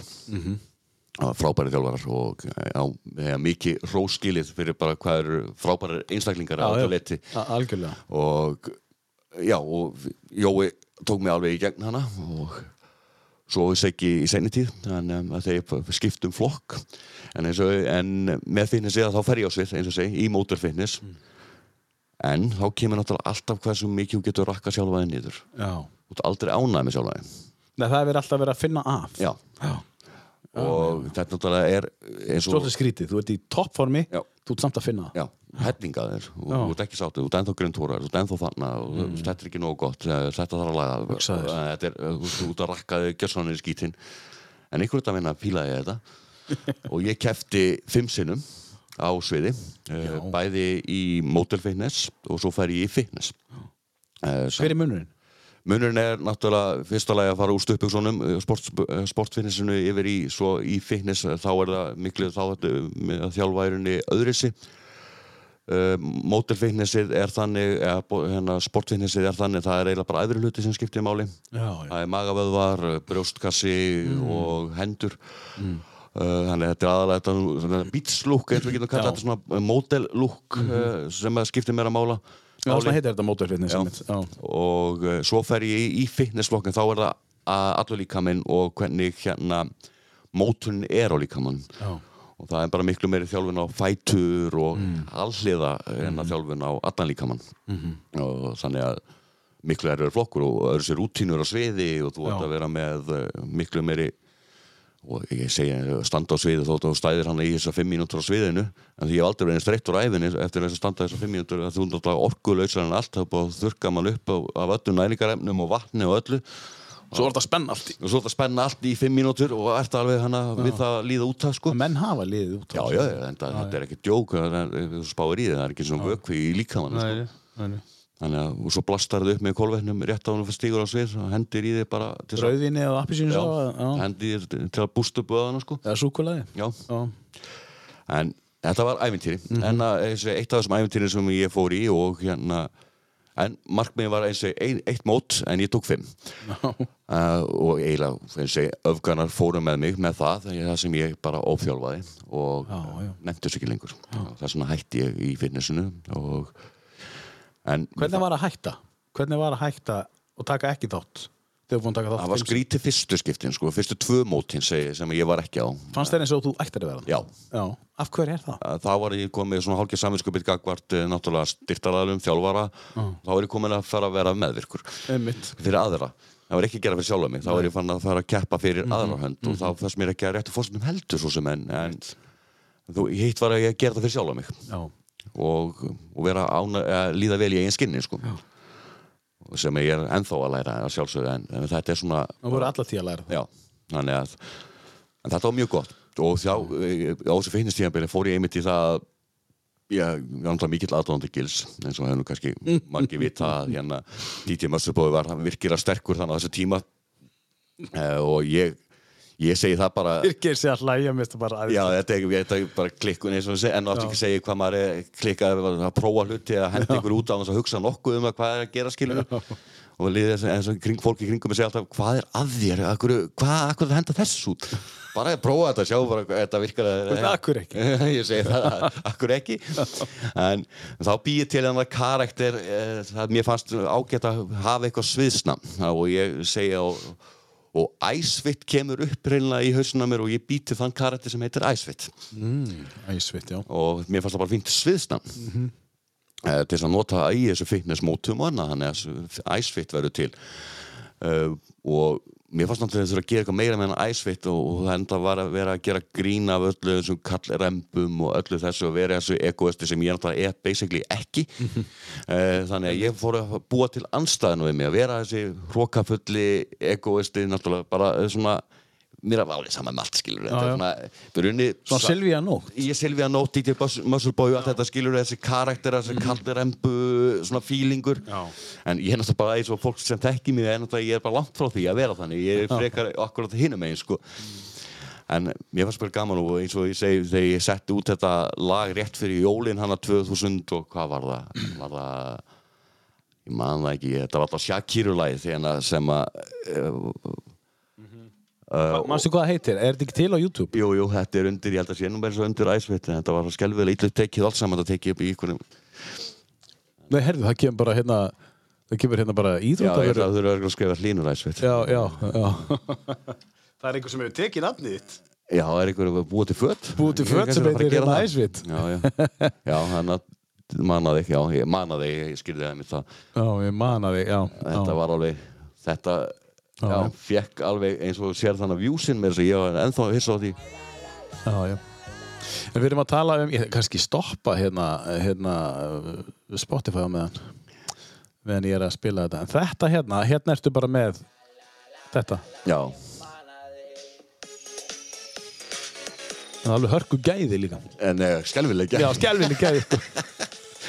tekið upp á sko síman Já, síman, já, einmitt, já. með eitthvað hérna er myndir að þið bara, Já, já. Hérna, er bara hérna er bara herra æsvitt hérna. Ég tók, uh, En hvernig fannst þér að vera þessi karakter?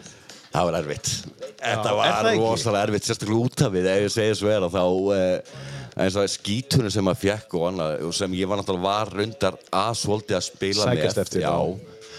En eh, sko niðurlægingin sem fólk gæti látið út úr sér og skilabóð sem var að fá stundum og annað, ég trúi ekki einu orðum sko, hvað, sundu, hvað hérna fólk gæti virkilega verið mín sko. Já, já. Þetta er meira sem bara versnað í dag, sko. Já, já, þessi, svona eins og við köllum þessar hérna aðtóðsenda Já.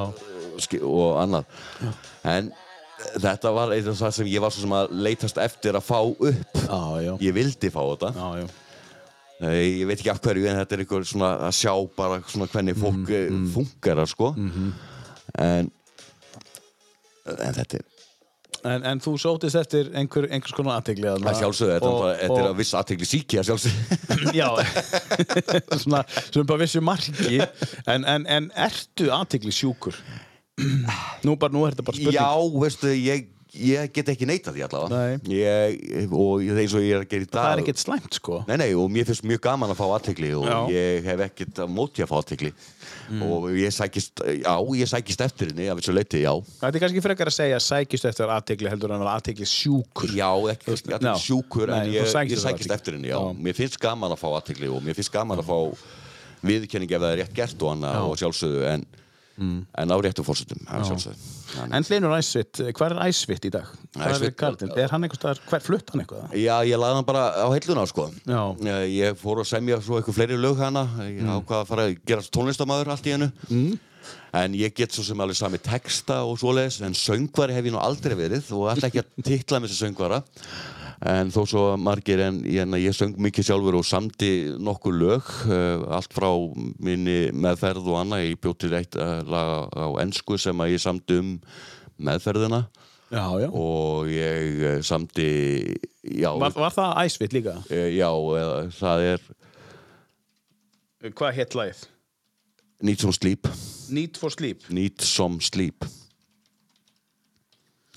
Já, já Hérna, hérna, hérna kemur út bara Hlinur Æsvitt gefur út nýtt stórkostlegt lag um, Þetta hér Þetta er der, já, þetta er nef, aldrei gefast upp, já, þannig, Já, þetta er annað já. Þetta er annað Ég, segi, ég gaf út eitthvað nokkuð lög hann á tíðanbili, ég, ég gaf mér tvö, a- eitt og hálft tvö ár í þessu æsveit dæmi og var fann að gefa út lög og en þetta var náttúrulega betur gæðum heldur hitt. já að aðeins já. En ertu með þessa leikara bara í myndbandinu? Nei, ég fekk þetta lána frá Rúslandi. Já, var það ekki? Já, hún veit akkurat En, en, en þetta lag er, er, er eitthvað sem þú bjóst til Já. Þetta er úr þinni smiði Er Ertu eitthvað að semja? Ég hef verið að þessi, semja texta og annað, Já. ef ég alveg, mér finnst alveg gaman að skrifa niður og Mhm. svona hugapælingar og annað, en ekkert í dag, svo sem Hvernig eru kvöldin út í kýpu núna? Þú veist bara svona Hvernig eru þau? eh, Hvernig eyður þeim? Ég eigði mikið núna er að spá í vídeo og vídeo creative og allt svoleiðis, mikið að skoða YouTube eh, því að til dæmis eh, að eh, markasetningar og eh, hvernig svona já, YouTube uh, blogginn og annað, ég er mikið að spá núna í þessum bloggum og annað eins og ég, og sagði í byrjun að mm. sjónvastjarnar hefur alltaf verið svona mikið að ég er svona mikið að spekulara í svona vloggi og svona videoblogg Já, blogg, já. Og mér langar svolítið að fara meira í þann svona þáleiðina í dag. Þú ert byrjaður á því. Ég byrjar á því með, með Instagram stories og svoleiðis, þannig að ég er svona nota það sem svona á uh, pröfurinn en, en vera, samt bara uh, hreinn og beinn og Mhm. vera ó, svona kallum þetta ró bara vera hrár og einlægur sko. Já. Tökum eitt lag að listanleginum uh, Hlinur, svo langar mér til að spyrja þig svona hvernig þetta fyrirtæki sem þú ert að vinna fyrir þarna úti hver er að vinna með þér og svona og, og, og þetta Elite mm. fastnarsala tökum, tökum þá eftir, hvað er að taka hérna næst? Tökum, höldum okkur í vangalega því ég hérna á þessu sama tíma því við fórum í í hart og undan þannig að ég myndi fara í Mario Kart 1 já, já, uh, af því að þetta var ég og félagin æskuvinni minn við áttum tvær uppbólsöngunum hann var með Vinni Hjúston ég var alltaf Mario Kart 1 aðdáðandi alveg frá aðtölu og þetta lag eh, var svona mitt mitt romantíska lag þegar maður var að bjóða stelpunum á date og svona þá var þetta lagið sem ég spilaði alltaf á rundinum sko. Já, þú settir þetta bara á. Já, í bílnum maður, keira hérna upp yfir inn í fjörð og hvernig gekk það? Ekkert alltaf vel. Nei, ekkert alltaf Þetta er svona lag sem að þú átt núna bara einn Já, já, þetta er bara en ég bara, söng, þetta, þetta lag með Maríkar er náttúrulega Mm. einstaklega flóð þessi háu tóna sem hún fer í þannig þetta síndi hversu mikið hún var Hvenær, hvenær setur þetta á í dag? Hvenær, hvað? Er Ég hlusta þetta ofta á hérna, eins og segi, ég, eins og komum inn á ballöður, ég kvöldin og annað, ég hlusta mikið á ballöður og rólega tónlist almennt eh, á kvöldin og er bara Mhm. með airpodsin í eyrunum og, og hef svona ljúa tólun undir sko. Já, já. Hlustum á þetta, uh, Marja Carey og lag sem við þekkjum öll aflist Hlins Más Jónssonar Without You, heitir lagið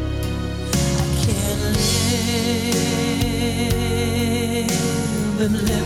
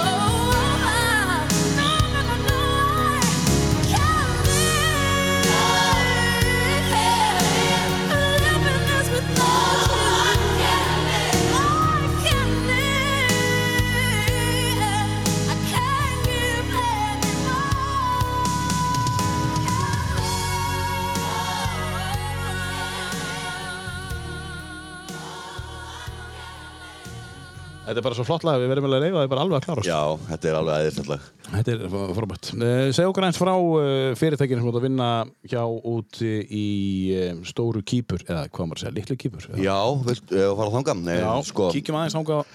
kíkjum aðeins þanga Ég, eins og ég segi, ég fór út til Kýpur fyrir, að vera hátt í þrjúa núna en, en ég Er byrj þrjú á síðan? Já.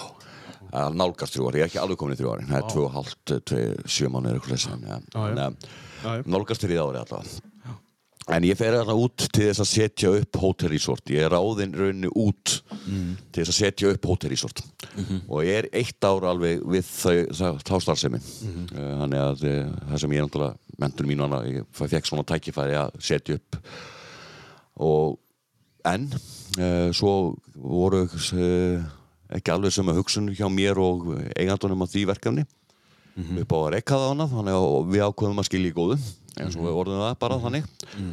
Og ég sitt upp út á kýpur fyrir um einu og hálf ári síðan með ekki neitt í höndunum. Já. bara ekki vinnu og bara er þannig og þá hitti fer ég, það eru allir, fullt af fólki að selja fasteinir og ég sem, já, kannski maður prófa bara að vera fasteinsali að fara að prófa að selja fasteinir Á kýpur? Já, á kýpur, ég sá fullt af tækifærum og það er náttúrulega mikið spennandi í gangi hana Mm. og það er mikið tækifæri í gangi og ég sá, ég ætla ekki að fara heim strax, ég sé Nei. að það er meiri, ég get byggt upp meira hérna, ég sé meiri framtíð í gangi heldur en að fara heim og gefast upp, sko. Já. Og ég kynist Hugsaði þetta þannig, heim að gefast upp? Já, já, það kom alveg mig nokkur sinnum, marg oft. En að að fara heim að það hefur uppgjöf? Já, vissu leiti, af Já. því að ég var komin þetta langt, skiluru, að fa- prófa að flytja erlendis, mér er alltaf dreymt um að flytja erlendis Mhm. og prófa að búa í miðarhafinu og svoleiðis. Og já, en Ok. draumurinn eh, var samt ekki alveg fullnæður, mér hefur alltaf dreymt um að e reka fimmstöðnu luxushótel, sko. Já, það er svona í mér þetta hospitality, ég segi þjónustan enn og aftur. Og uh, þannig að en hann er ekki alveg, ég er ekki alveg er búin að uppfylla drauminn ennþá sko, Nei, nei. en fasteinabransin svo heilla mér á mörgu leiti út af þessu einmitt að ég geta fengið að veita öðrum drauma sína og þessa pælingu að geta skapað með fólki. Og aðstofa fólk uh, í rauninni og að fjárfesta rétt og allt þetta. Og, þannig að ég, jú, það heitlaði mig smá. Þannig að ég detti og hitti þessa stráka hjá sem sagt elít sem að ég er uh, fastanskastóð sem ég vinn undir í dag. En ég vinn samt sem frílansari svo kallaður Já. þannig ég er minn eigin herra. En uh, ég er undir þeirra brandi upp á að hafa skatta og gjöld og uh, lögfræðing og allt þetta er ég með þá löggilda. En vinn samt sem uh, einstaklingur. Og allir mínir kunnar eru bara mínir kunnar og þeir vilja mér náttúrulega alveg svoleiðis. Þannig að það er, er svona mjög jákvæmt líka. Þannig eins og við tölum um í byrjun að þá fæ ég að vera minn eigin herra sko. þannig að ég get ennþá verið minn boss. Já, já. Mjög mikilvægt fyrir Hlín. Já, það er mjög mikilvægt og mér finnst mjög gott að geta verið minn eigin herra. Þannig að og, og svo er náttúrulega svo mikið eins og segi, geggjum tækifærum að það er svo ódýrt að vera hann og mér er svo gaman að geta sínt fólki það og eins og ég hef verið að gera eins og við förum aftur inn á vídjóin að sína fólki að þetta er möguleiki skilur að þú getur átt þetta þú getur að lifa svona lífi noti lífsins, verið glaður, jákvæður í sól og blíðu 320 daga ári. Það er svo geðveitt sko. Já, já, já. og þetta kostar ekki dögun úr heldur. Nei, nei. það er náttúrulega jákvæð, þú ert ekki að fara fjeflættan næsta mannskilur eða svoleiðis. Ég var að skoða einhvern síðan eitthvað, hérna, vorum að fylgjast aðeins með þér og þú varst að sína þarna íbúð, minnir á mér á tveimur hæðum, þryggja herbyggja íbúð. Um, allt nýtt, allt splunkunýtt, við erum talað um splunkunýtt, með, uh, þú veist, ekkert langt frá sjónum, þú, varst, þú horfðir út á sjóin, sko. Og uh, þú sagðir, já, þú getur fengið þessa íbúð fyrir þennan penning og ef þú bæti við sundlaug, uh, þá borgaru 2 miljónir í viðbótið eitthvað. Já. Og með sundlaugin áttu þetta að kosta ykkur 23 Já, miljónir. 23-25 miljónir getur Já, fengið alveg með sundlaugin. með sundlaug Og splunkunýtt, 180, nýtt, 90, sko. 100 fermetrar íbúð. Já, 180 fermetrar hús 180 fermetrar hús. Þetta er, þetta er náttúrulega bara galið með að við sko... Akkur er þetta svona ódýrt? Eh, Þannig að markaðin er svo ungur. Eh, Þetta er, þetta það kostar alltaf jafn mikið að byggja. Já, já, en það er bara, þess að þetta er mikið flyttu inn frá Tyrklandi og vinnuaflið er ódýrara. Uh, það er hvað segja, segja, það er náttúrulega uh, markaðurinn er lár þannig, þetta er náttúrulega uh, þetta er ekki Evrópa. Nei. þannig að það er þrefalt ódýra til dæmis uh, bæði að kaupa fastegna þannig heldur en til dæmis í, á Suðurkipur eða á Spáni. Hvað sér? Þannig að það er þrefalt minna verðlag á fastegna Þrefalt minn. þrefalt minna ég reiknaði að gerði mér þess að skýslu um það að það og það almennt séð var svona um þetta 50 til 60% verðmunur á sem sagt Spáni, Greiklandi og Suðurkýpur á móti Norðurkýpur Vá. þannig að Það er rosalega og svo er bara góð ávöxtun að þetta er svo mikið uppbygging Já. að það er náttúrulega ávöxtunin ef þú kaupir til þess í jörðinni að þá ættu garantera um leiða búið að steipa beinagrindina að þá ættu komið 30% ávöxtun sko. Og bara strax. Já. Já. Já. þannig að það er svo margt sem að þetta er einmitt, þetta getur áhersla sér svo vel Já. af því að uppbygging er svo hröð þetta er svo hröð uppbygging og eins og Forbes með þess að valdi Norður Kýpa sem áhugaðast að sjáar hérna, miðarahafs Perlu. Já, eh, fjárfestingatækifæri sko. Já, já.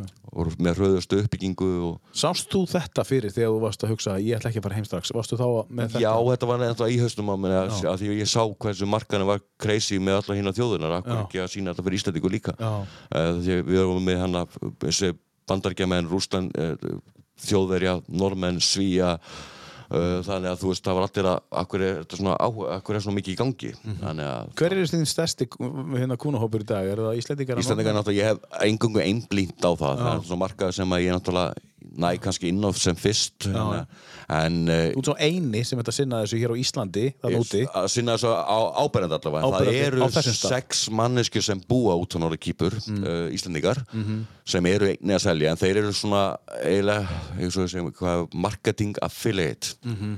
en þeir eru ekki fastinasali þeir eru, eru svona bara markas uh, ráðgjafar ef ekki orðað já, þannig. Þeir eru, en þeir eru samt að selja Er, og- þið, er samst, samstarfi ykkar á milli? Við erum náttúrulega tölum saman og allt svoleiðis og ég, eh, vinn ekki á móti fólki en, en ég segi það samt við fólk að ef að vesla svona fara þá réttu leiðina og já, ekki, já. ekki fara að taka áhættur með Nei. að kaupa ekki um fólk sem fylgir ekki frá aðtölu þannig að ég eh, svolítið svona að vera að það er annað hver maður að selja fasteinir hana. Já. það er rosa mikið af einhverjum agentum, ólöglegum agentum og annað. Þannig að það þarf náttúrulega að fara varlega líka að hoppa ekki á fyrsta, fyrsta tækifæri sem hún Mhm, En þú ert undir uh, fyrirtæki sem heitir Elite Já, Properties. Já. Elite Doors Properties, já. og vinnundu þeim í dag. Já. Að- Sem frílansmaður, en en ég er Já. með að segja það er allt uh, löggilt og skráð og uh, að þetta er löggilt Ef fasteignarskrifstofa. maður mig langar að kaupa íbú, hvernig næ ég í þig? Ég er bara með síma, eh, bara hérna, síma e-mail og, og allt þetta Og hvar finn ég þig? Á Facebook eða? Já, Facebook, Instagram uh, og. Heitur eitthvað, heitur bara Hlinur M. Jónsson þar? Eða Nei, ég er H Elite Lifestyle á Instagram Já, já, og ég, svo er bara Hlinur M. Jónsson á Facebook já, já. Finnur og, þar. já, já, og þannig að það er Þetta er, þetta er áhugavert, þú segir, þú veist bara, þetta er svo, það er kjánalega, þú finnur ekki eins og íbú hérna bara á góðu gömlu eirinni þinni, þú veist bara fyrir, fyrir þetta verð, skilur þú veist, og, og glæði nýtt og, og glæði nýtt, sko. við miðra hafið Það er bara að halda áfram að leia þetta heima og fjárfæstu erlendis. Já, nokkvæmlega Hvernig er að fá lánað úti? Það er, í dag er ekki, eh, ekki auðvelt að fá lán. Nei. Mhm. Það, en verktakarnar hafa verið að lána, þú getur fengið ákveðnar uh, greiðslu plön. Skiptir ekki máli hvaðan þú kemur? Ekki með greiðslu plönin allavega. Það er bara eftir uh, hvaða samningar nást við hvern og einn og hverja agenda sem að, þeir semja við, sko. Og hvaða verkefni er í gangi. Og það fyrir líka eftir verktakunum hversu gamlir þeir eru, hvað er búin að lengja að og allt það. En náttúrulega yngstu fyrirtækin er ekkert að lána þeir alltaf lengi. Nei, En þeir sem er gamlir í bransanum er alveg tilbúin að lána upp í 5-7 ár og já, já, já. Með mánalegu afborgun en það er alltaf, grunnurinn er þannig bara basically er 35% út Já, og já. svo dreifur restunni á nýbyggingar Ári ímbingar, já. Já. En svo um, er erfiðar að kaupa fastegin sem eru notaðar endursölu eignir já. útalána, það er svo erfitt að fá lána þær Það er best að eiga, ef maður á einhvern svona smá sjóð, þá er um að gera, að, þá nota þann pening kannski í það, þá bara. þú getur ekki fína endursölu eignir sko á góðu verðum en þú ert bara að eiga peningi fyrir. Já, það eiga pening fyrir sko. Þú ert alltaf eiga pening fyrir. Já En, en ertu á leiðinni heim? Nei, það lítur ekki út fyrir það. Ég, ég eh, stefni á það núna að uh, ég ætla að kíkja til Thailands núna um uh, jólin. Já. Það vera á Thailandi og sjá aðeins svona hvaða möguleikar eru þar. Já. Og svo erum við að fara til, ég er að taka verð með spán inni líka því að eftirspilin er mikil þar, þannig ég er að tala við nokkra aðala á spáni. Já. Þannig ég ætla að fara að vera meira bara alþjóðlegri. Ég er Og, og bara- undir þá er lítið alltaf. Já, eða okkar fyrirtæki sem við setjum upp á alþjóðavísu, við erum svona að ræða þá hluti. Já, það er já. ekki alveg komið á reynd hvernig það útfærist en við erum að skoða svona ýmsa möguleika að verða svona alþjóðleg fastlegænska stofa. Já. Það er bara hljóma rosa vel. En þú getur ekki þetta heim frá Akureyri? ég, ég myndi að þetta er allt í digitali orði Já, í dag, þannig að þetta er orði bara, maður vinnum bara við tölvuna og síman og annað. Hvernig ferðastu þetta niður eftir ef þú ferð frá Akureyri? Hvað þarf það að gera? Þú flýgur þá... Uh, Þá flýgur til dæmis, London er mjög einfaldur höpp uh, og þetta eru 6,5 tími í flugi já. Uh, og Já, þetta er bara svo. Já, já, já. en þú þarft að millilenda, það er innigallin, þú þarft að millilenda, það er spurning bara hversu mikið leiði voru þú færð á hverju sinni. Já, En það kostar ekki nema 25-30 skall kannski að fljúa aðra leið, sko. Þannig að þó þetta millilenda.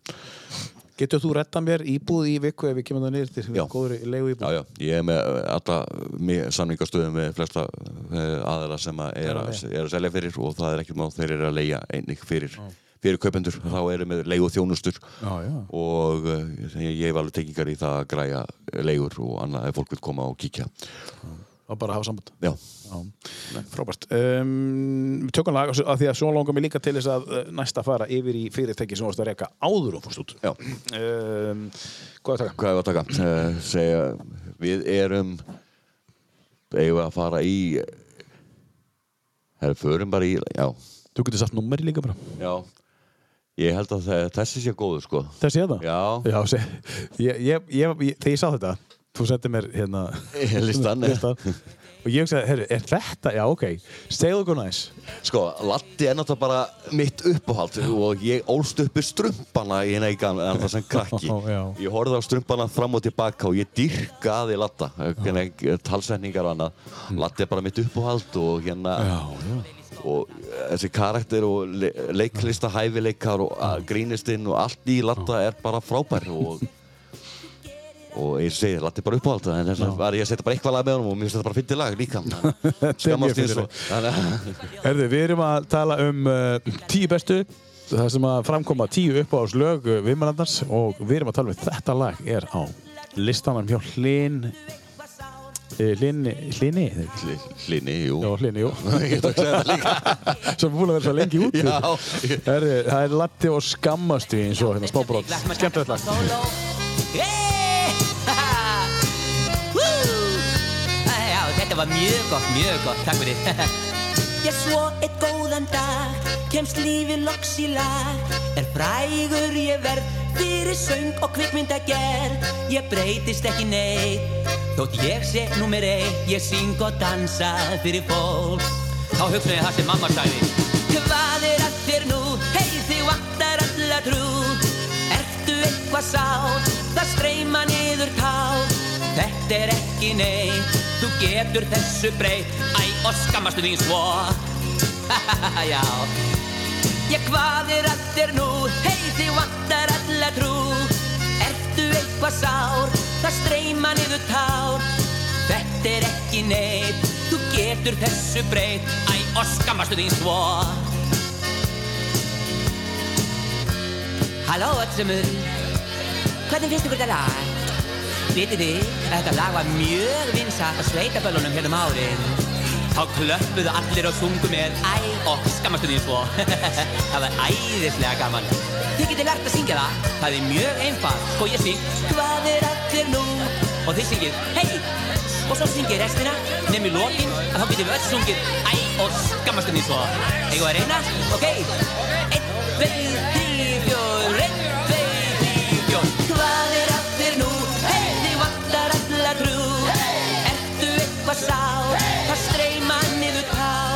bestu, þú finnur okkur á Facebook, þú getur líka við þáttinn og uh, þá sér alltaf hver er að koma hverju sinni í dag hjá mig sittur Linur M. Jónsson Mári Jónsson um, og uh, hér heyrum við lagalistanum sem heitir Skammastu eins og með lata eitthvað lag með Er þetta Lata. ekki jákvætt? Þetta var jákvætt lag Þetta er mjög jákvætt lag sko.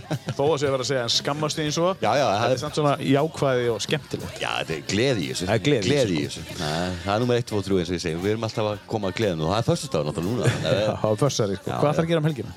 Í helgina ætlum ég að njóta bara da- dagana með dóttur minni. Já. Ég- hún er í löngu helgafríi núna, þannig ég fæ Já. fjóra daga með henni núna. Það sem ég hef nú ekki séð hann í hátt í tvö ár þegar ég kom hérna heim aftur. Að, Já, hún hefur ekki komið út nei, út af blessaða, já. já, út af einhverju út af einhverju, einhverju sé. Og hvernig var að hitta hann aftur? Indislegt og hún hefur bara þroskað svo gríðarlega mikið en núna á þessum árum eh, og ég fer út þegar hún er eh, rétt 11 ára Já. Og eh, nú 13 ára þannig að það er mikið búið að breytast á tveim árum sko, Já. eh, á þessu t- skeiði. 50, 8, 50, 7 bekkur já, já, og hérna hún er alveg orðin komið gelgju pæjustæðanir í það en, en hún er svo mikið pappaskott að það er alveg, ég segi, það er já. enda enga dótturinn, hún þess að bannaði mér það sko, ég má ekki eignast fleiri börn sko Já, þannig að ég má fá mig kærustu, ekki má ég finna kærustu. En ekki börn. Já, og það er að fylgja því ég, það, ég ætla ekki að lofa hennu sko. Nei, nei. ekki alltaf að ég einhverjum miðlum Nei, ekki neinu miðlum hérna sem að fyrir opinbyrlega skulum ekki til að ræða það frekar.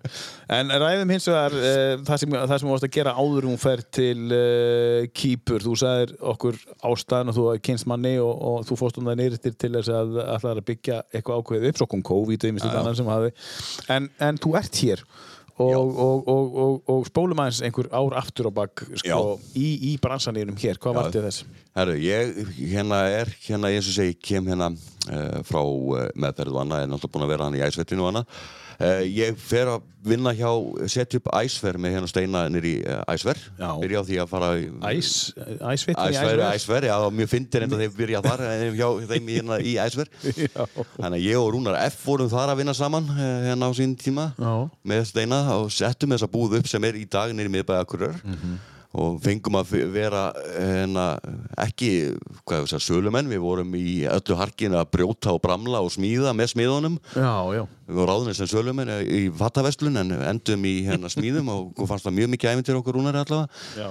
en við vorum, ég var þar í eitt ár og fer svo uh, frá æsver yfir í Sagatröll og gerist leysugumar uh, drævergæt og leysugumar já. Þá nýtur þá uh, er ég komin í ferðamálafræðina Ferðamála- aftur og ferðaþjónustuna því að ferðaþjónustuna er náttúrulega, mér hef alltaf finnst hún heitlandi hún er, er mikill. Er alveg séð ferðaþjónustuna bara mjög heitlandi business en, eh, en gríðarlega erfiðu business. Uh, en ég fer sem gæt ég er svo sem ekki að mikið, mér er alltaf eh, aftur á móti aft, finnst mér stjórnunastöðun alltaf meira spennandi og markasetning uh, ég hef mikið áhuga á markasetning og markastörfum almennt og en ég fór í og uh, vinn- einhver stað það bara að byrja. já, já. og vinn það sem gæt, driver gæt svo kallaður, hann er maður var bílstjóri og, uh, og hérna leysum ára á sama tíma, það sem þetta er allt svona litlu hópar Já. Þannig að þú varst ekkert með þessa risahópa eins og við köllum þetta rollu ferðamennskuna sko. Þetta, hérna, Smala smala saman. þeim sma, saman. Já, þú varst alltaf með svona kringum maximum 20 mann og mjög þægilegt að eiga við Mhm. og mér finnst það meira heitlandi eftir og samóir gerir í dag, mér finnst persónuleg þjónusta alltaf miklu meira og uh, en samt sem áður var ég þannig í Sagatraver Mhm. að gæta og mér fannst það fínt að mörgu leiti og ég stofna svo á sama tíma og ég er hjá Sagatraver þá set ég upp Ice One sem er fyrsta fyrirtæki sem ég seti upp í ferðarþjónustunni sjálfur Já, já. og kaupi tvær rútur og fer að fara í skemmtifærðarskipa harkið sem er mjög uh, áhugaverður business á mörgu leiti en það er hark Hvernig, hvernig þá? Bara að, það er bara, þú veist bara, ert að veiða kuna á bryggjunni standandi og hóa og þetta er bara sölumennska, göttu sölumennska sko. þetta er bara virkilega hark og, en þú ert að skapa ferðir og búa til ferðir sem eru öðru sem næsti maður samt þetta með sumu svæði og reyna að búa til eitthvað nýtt þannig að þetta er, mm. þetta er bara hark á mörguleiti en þú er samt að vera skapandi og reyna að búa til nýja ferðir hendar á þér, svona hark. Mm, já, já, ég, er Já. ég hef gaman af uh, áskorunum sko. Já. og áskorun eru til að segja stáðum Já, já. og uh, ég algjörlega þá, uh, og það er saman og ég er búin að vera að gera úti ég er að harka, þetta er bölva hark og reyna að finna viðskiptunum að kaupa eitthvað húsi í Norður Kýpur, þetta er bara bölva hark og þú ætti að hafa mikið fyrir því að ná þessum eina kuna sko. en gaman, Já. það er nummer 1, 2, 3 Já. Ertu með svona gallarhófn? Já, Já, það kemur, kom fyrir sko Það kom fyrir, já, já. já. En ég veit vartum bara fyrstu fólki til þín bara og þú stóðst með skilti bara þe- þessi ferð eða eitthvað að Já, já. en þetta var en ég kefti þessi rútu hana Já. og kefti svo einn í jeppa uh, sem að var Ford Expedition 97 mótil alveg í lama sessi en ég og pappi ákom að gera hann upp Já. Uh, þetta var 97 mótil á Expedition eh, með leðurrendingu og eitthvað svo flott. Þetta var sex, sex manna bíl tilvæðan líka að búa til svona prívatferðir. Já. og hann er að Ice One kemur það, já eini settum við upp þá á sama tíma keftum við fjórar súkubifriðar og öllum að gera svona jeppasafari. Já. sjálfkerandi jeppasafari. Og við notum Þorvaldstalinn hérna inn í uh, hérna, með, no, við tókum nokkra ferðir á því. Já, já. og fengum, uh, hann er þetta átt að vera svona hálfgett svona Afríkusafari þú fólki fekk að keira lítið yfir á og Já. svona, þú veist, á litlu súkonum súkonum náttúrulega ódreipandi þessar hérna gömlu súk- Vítara. já, vítarunar þannig að, en það gekk alveg ákveð það var svona fyrsta, fyrsta öðri sér ferðin sem ég gerði Já. eh, sem að engin annar var að gera Skemmtilegt. og svo kom komu böggibílanir að það fór allir að fara í böggi og það eiginlega drap þetta því að böggi var eiginlega meira vinsalla og var einfaldar að eiga við það Já. Og þetta var með gamla bíla líka. Og þetta var ekki alveg svona eins heitlandi þó að Safari náttúrulega sé bara Safari. Já, já. en þannig að ég fer þá og hugsa og þá endur skipur ekki allt fyrirtæki á mér Já. og set upp að hverju Luxury Travel. Já. og, þá- sel sem sagt jeppan sem ég og gamli settum upp og sett hann upp í Lincoln Navigator uh, sem sagt nýlegri bíl. Og meiri svona luxusbifrið uh, og fer að hugsa meira um að fara í prívat og enga geiran meira að fara að því að það var engin í honum hér. Æslimo var að gera þetta fyrir sunnan uh, og ég ákvað að að taka hans koncept og færa það enga norður. Það er að sinna enga fótónum, deplum uh, svona þessum high-end þyrtuskíðaferðamennskunni og þessu dóttri þannig ég fór að einbeta mig meira svona að þjónust, hvernig getið þjónust þessa liði með aksturþjónustu í rauninni. og í rauninni eins og þetta var bara, þetta var bara luxus aksturs þjónusta Já. Þannig ég, og ég er náttúrulega klættur eins og ég hef komið inn á, ég er klættur í jakkafötinn og, og það var staðall hjá mér að mæti í jakkaföttum sem Mhm. bílstjóri þá mættur í jakkaföttum á, bílun, á nýþrinu bílunum og allt þetta. og svona þetta var þessi high-end feelingur. Mhm. og Aqualuxur Travel er til ennþá en ég lokaði á COVID, ég hef ekki opnað aftur. Nei.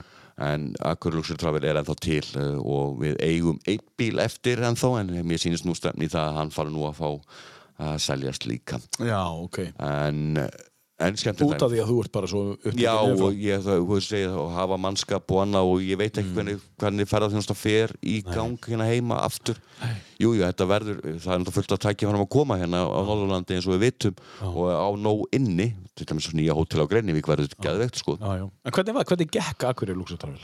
Það gekk fínt. Uh, það var eiginlega, ég var að koma með fína tengingar Já. uh, og uh, á sama tíma var ég einnig að setja upp hérna Superbreak hérna þegar við vorum með beinaflugi hérna norður á Akkur. Ég vann með þeim bæði árin sem við vorum að fljúa beint hérna. Já, já. Uh, þannig að ég var með tengingu og það við notum mína ferðir ein, með bjórböðinn og þess að segja, við vorum að búa til svona nýjan já, í sami ég, markmið mitt var alltaf að vinna með öðrum Já. ég vildi ekki vera að býta hausin á okkur öðrum ég vildi vinna með og það er allir að hafa ávinning af mm kökunni sko. og það hefur alltaf verið svona mín fókus er að vinna af því að, að ein heild Já. skapi meira að ekki að vera einirkin eh, sem að, að Aðstoða sigra heiminn Og vinna sko. saman, já. Já. Hvernig, hvernig tóku hinir í það? bara mjög vel, ég, ég var með öllum og allir vildu vinna með okkur og ég var vinna mikið með markastofinni markastofun Norrlands og uh, hótelunum. Flugvalla akstur, ég var að sækja fólk á keflagu flugvalla að koma að keira að norður og þú veist, ég gerði bara það sem að koma upp á borðið og sérsneið sneið, bara búið til sérsneið að ferði fyrir fólk almennt, þannig að það var engi, ekki margir að gera það á þessum tíamóti Nei. en svo er náttúrulega fleiri komin í þetta dag en það er komin á prívatferðir og fleira en, Mhm. Og ég vann mér þess að vann með fyrirverandi sam, hérna, í samkjæmstæðulum og við vorum að vinna í sammenningu að selja ferðir bæði Sagatravel og, Mhm. og fleiri ferðarskristóður hérna á Norrlandi, við vorum bara að deila á millokkar og En síðan kemur COVID. svo kemur COVID. Hvað gerist bara í ferðarbransanum? eh, náttúrulega bara slok, lokar allt Það er bara það er sloknar Þetta er ekkert eitthvað smá niður, þetta er bara, Nei, það er bara sloknar það er bara kveikja slökka. og það er bara, kemur enginn og enginn ferðast og ekki neitt. Og það er hvort sem að var hér heima á Íslandi eða úti á Norður Kýpur við fórum í lockdown þar til dæmis og það var, varst bara lokar inn í húsi í tvo hálfa mánuð Hvernig var það? ömulegt, Varstu lokar inn í húsi? já já þú máttur ekki fara út í tvo hálfa mánuð, við vorum bara það var allt, þú þurftir að fá leifi og lögur til að fara í búðina og Hvað sér? þannig að það var alveg challenge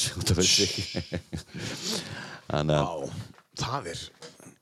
já, það var virkilega Og varst einn, sko. já, ég var aðaleinn hann að Hvernig var að halda geðhelsu geðhilsu á- í, í slíku árferði? Það er virkilega erfitt.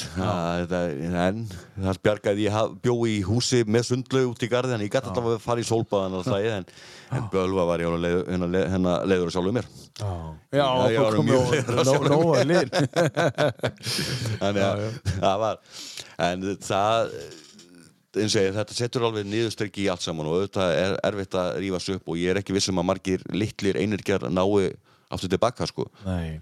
Uh, þetta verður stóru aðeins sem hafa fjármann á bakvið svona, svona litri einirkjar því miður uh, bara hafa ekki bólmann til að halda úti starfsemi og starfsfólki og annað til þess að setja upp aftur og bara kostnaður og annað sem fylgir þessu. Eins og En, Það en, en þessi, þessi, þessi beigja sem þú tókst, myndur þú segja að þetta hafi verið hárutnum tíma í þínu lífi að, að fá þetta tækifæri og fara neyrir til? Um, Já, að því að ég á þessu rétt fyrir Þetta er COVID. rétt fyrir Já, COVID. þetta er rétt fyrir COVID. Eh, svo Ég er hann að vinna á þá Maldífs Homes að setja upp þetta hótelresort og á sama tíma og þetta COVID kemur. Þannig ég var náttúrulega ekki búin að loka fyrirtækjunni hérna heima því Nei. ég var náttúrulega bara að prófa ég ákvað að fara út og gefa þessu ár Já, og sjá hvert myndi leiða og svo kemur COVID náttúrulega þannig að automatist varði ég að loka fyrirtækjunni hér þar sem að ég gæti ekki verið með manni í vinnu og annað, það er ekki neitt. Uh, og ég var með manni í vinnu hérna á meðan fyrstu mánuðina. Já.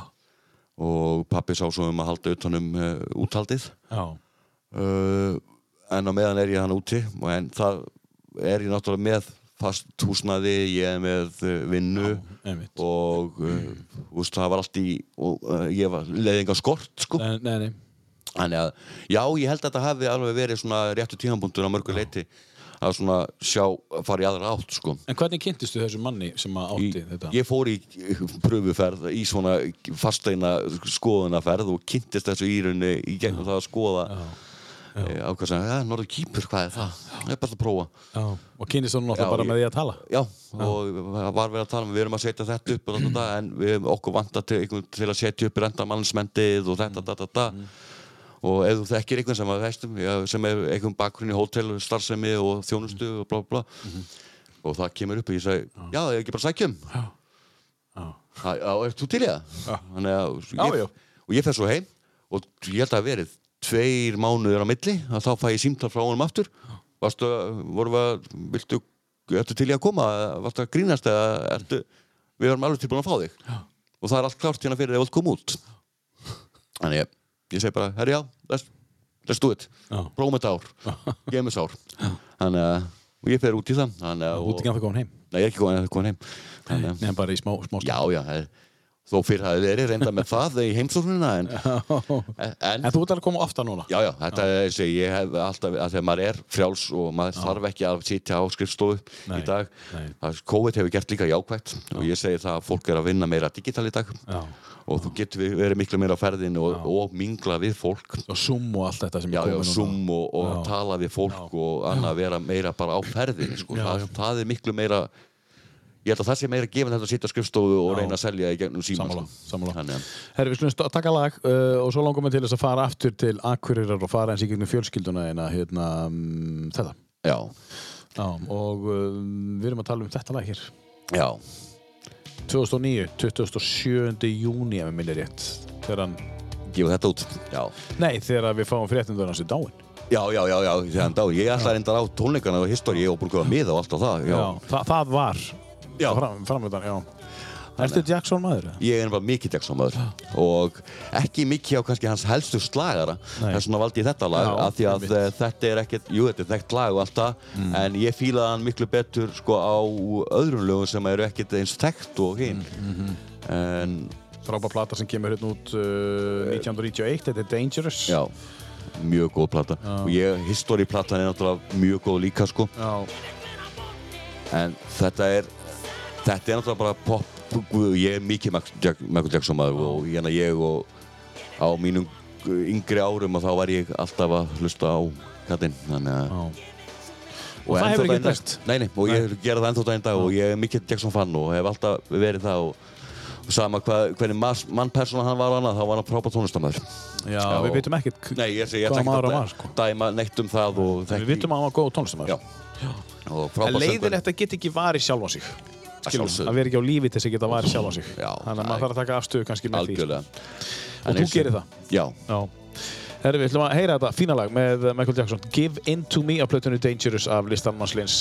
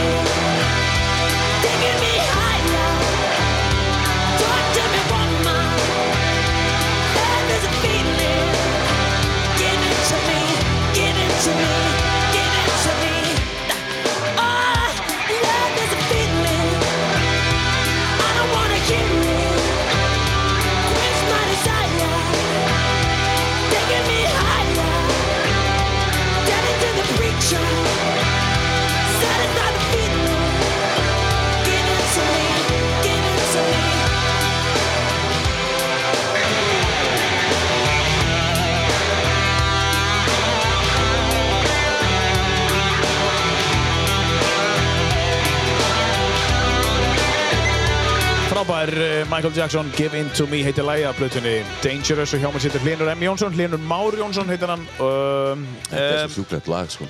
Já, þetta er rosa gott lag sko. Að Þetta er powerballaða sjálfsögðu. Þetta er pávala Einmitt, enn einn sko Þetta er 91, þetta er svona ekki alveg 90s það- Nei, þetta er svona rockar, já, þetta rockar hana 80s, 90s sko, þetta er svona á dans á línunni. Herri, við ætlum að fara eins yfir í við, það, er, það, er, það er laga, eh, þess, það er tíu laga listi hérna fyrir framann okkur um, sem að uh, sko, við, uh, hlustandir er búin að fá okkur 5-6 lög. Um, Tónlistarlegt uppeldi, var mikil hlust á tónlist á þínu heimili hérna í, í, í, í, kringum eirina þegar þú varst að alast upp? Já, já, mikið. Hvað var hlusta á það? Þetta var eh, mikið 80s uh, heimili, uh, mam, uh, mamma og frænka mín og sýstur hennar sem sagt voru mikið í 80s tónlistinni Já. og ég, Roxette til dæmis kemur út frá frænku minni sko, hún, hún dýrkaði Roxette og Ace of Base sko. Já, já. ég var alveg gæðapopp. já, ég var svona í vandræðum hvort ég ætti þetta Roxette eða Ace of Base sko, en Roxette er sterkari eh, hjá mér persónulega Já. En jú, jú, og mamma eh, var mikið í kórstarfsemi, hún var í gospelkór og, Já, já. Uh, og mikil tónlistakona uh, í, mikil tónlist í hennar fjölskyldu líka eins að pappi hennar uh, var einni kór, mikið í kórum og kallakórum, bæði kallakór Geysis og kallakór Eyjaferðar og fleira þannig að já, það er tónlist alveg á heimili svona í kringum gennum tíðina mm. Fæði minn er ekki, hann er svona svipað söngelskur og ég uh, sennilega en Elskar að syngja en kann það ekki? Já, þetta er svona stuttu söngvari, svona eins og ég segi. En, en hann er hins vegar, ég er með smá, ég er smá lagvís, en pappi, ég er nú að gefa pappa það því með hann er ekki mjög lagvís. Hann er að Það þú ætlar að gefa honum það Já, ég ætla að gefa honum það. En hann veit til ekki að því, ég hef sagt það margótt við hann og við öll hefur sagt það við hann. Þannig að e, það er, en það er allt í lagi, það er gaman að segir, bara vera maður sjálf og hann er einu svona típa eins og ég, við erum mjög líkir margi e, á karakterar að mörgu leiti og fæði minn. Þannig að, Já, þið er, að- dandi dunda mikið saman Já, já. fyrirtækjum og alveg frá því siglufyrði eins og það segja alveg og, og... og bara fjölskyldan almennt, eins og við erum mjög náinn fjölskyldan. Hver er, áttu sískinni? Já, ég á uh, tvö allsískinni og einn hálfbróðir. Já. Hver er þau? Uh, sem sagt, uh, Vignir, uh, uh, Vignir uh, Þorstensson er hérna hálfbróður minn. Uh, hann er, uh, sjú, hann man ekki svo hann er gamall, en Ah, sorry með það. Er eitthvað gamall? Hann er uh, svona mömmu. Uh, sem að hún átti þegar hún kynnis pappa. Mhm. uh, og uh, svo á ég uh, systur uh, sem er fjórum árum yngri en ég uh, og er uh, býr núna til Nóri. Já, já, hvað er í Nóri? Uh, hún er í Haugesund Já. Haugesund. Haugesund, ég er ekki, ég er ekki komið norskun að reynu en Þetta er erfitt. Eð er erfiðasta beiting í norsku. Já, þú ættum að vita það Já. Ég er ekki sterkur í Norrlanda tungumálunum Nei, nei, ekki að þá. ekki ennþá en eh, já, hún býr sem sagt út í Norri, hún er fjórum yngri en ég uh, Ástís, mm. systir og svo á ég einn yngri bróður sem við köllum Örverfið sem kom 1990 undir hjá þeim og hann heitir Gestur Kristján og hann býr núna í Reykjavík í dag. já, já, já. Uh, þannig að við erum þrjú allsískinni Og það er uh, góð, sko, gott samstarf á milli ykkar sískina, er í góðu sambandi alltaf og ég og sýsti mín til dæmis við vorum límt saman á tímabili á hérna á bí, já. þá vorum við mjög mikið saman og Já. við hefum alltaf verið mjög góði vinnir þó þessi fjögur ára á milli, það, það, það nær alveg. já, já, við vorum mjög tengt sko, og, gerðum oft, allt oft, saman oft, sko, þú veist, 6 ára, 10 ára, já, 10 ára, 14 ára, þú veist, samtengt. Mjög tengt meira saman jú, jú, hún er náttúrulega hún er miðjubarnið og hershöfðingin við, hún er einar stelpan Já. sko líka að hún fekk alveg, hún segir það að hún stjórnaði bræður sínum og hún gerði það við svo leiti við mig líka Já, já. þannig að þó ég hafi verið eldri að þá hérna var hún alveg með sína En er það ekki bara rétt hjá henni? jú, jú, jú, jú. og ég við ekki það alveg ég, segi, ég, ég leifin bara að halda, að hafa það bara má eiga það Og fóreldrareinir eru, uh, hver eru þeim? Það er uh, Jón Gesson, Já. er fæði minn og uh, svo er það Jóna Vignisdóttir sem er móða mín. Og þau eru að hverjanga bæði tvö, Og búa hér? búa hér. Þau búa núna upp í Nöstakari og já, þetta er við erum búin að bralla margt saman og eins og við erum mikið, mikið mjög tengt og annað. Með þess að ég og gamli keftum í torfarinn í mörg ár saman og annað.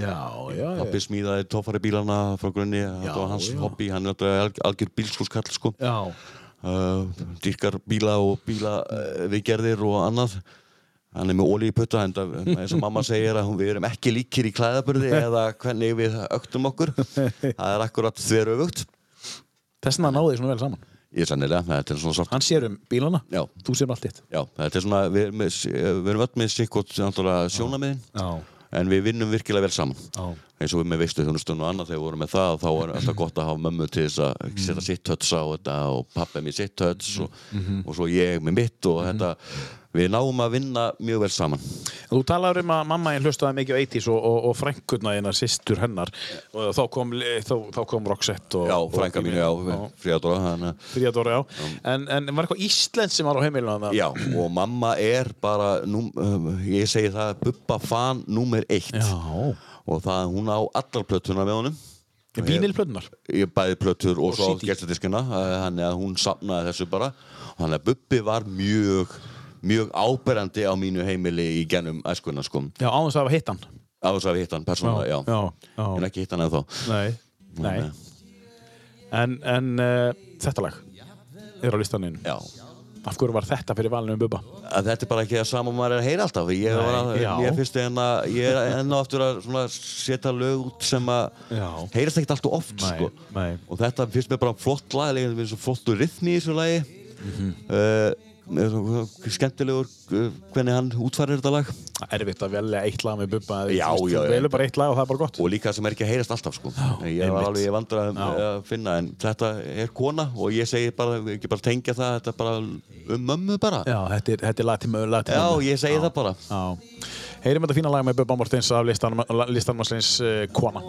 Af plötunni Kona með þessu líka. Skemmtilegt. í Betlehem og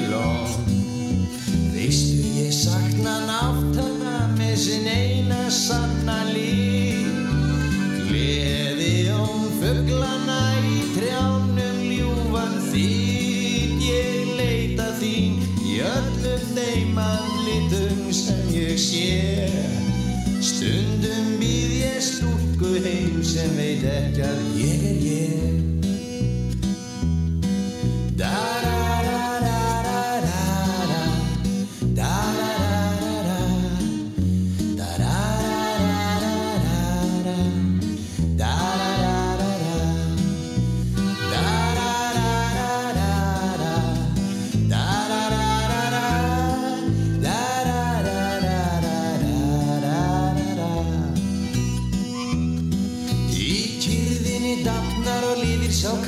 kraftur sem hjartað hafði mist Ef þögnin gæti fært mig aftur á þann stað sem ég sá þig fyrst.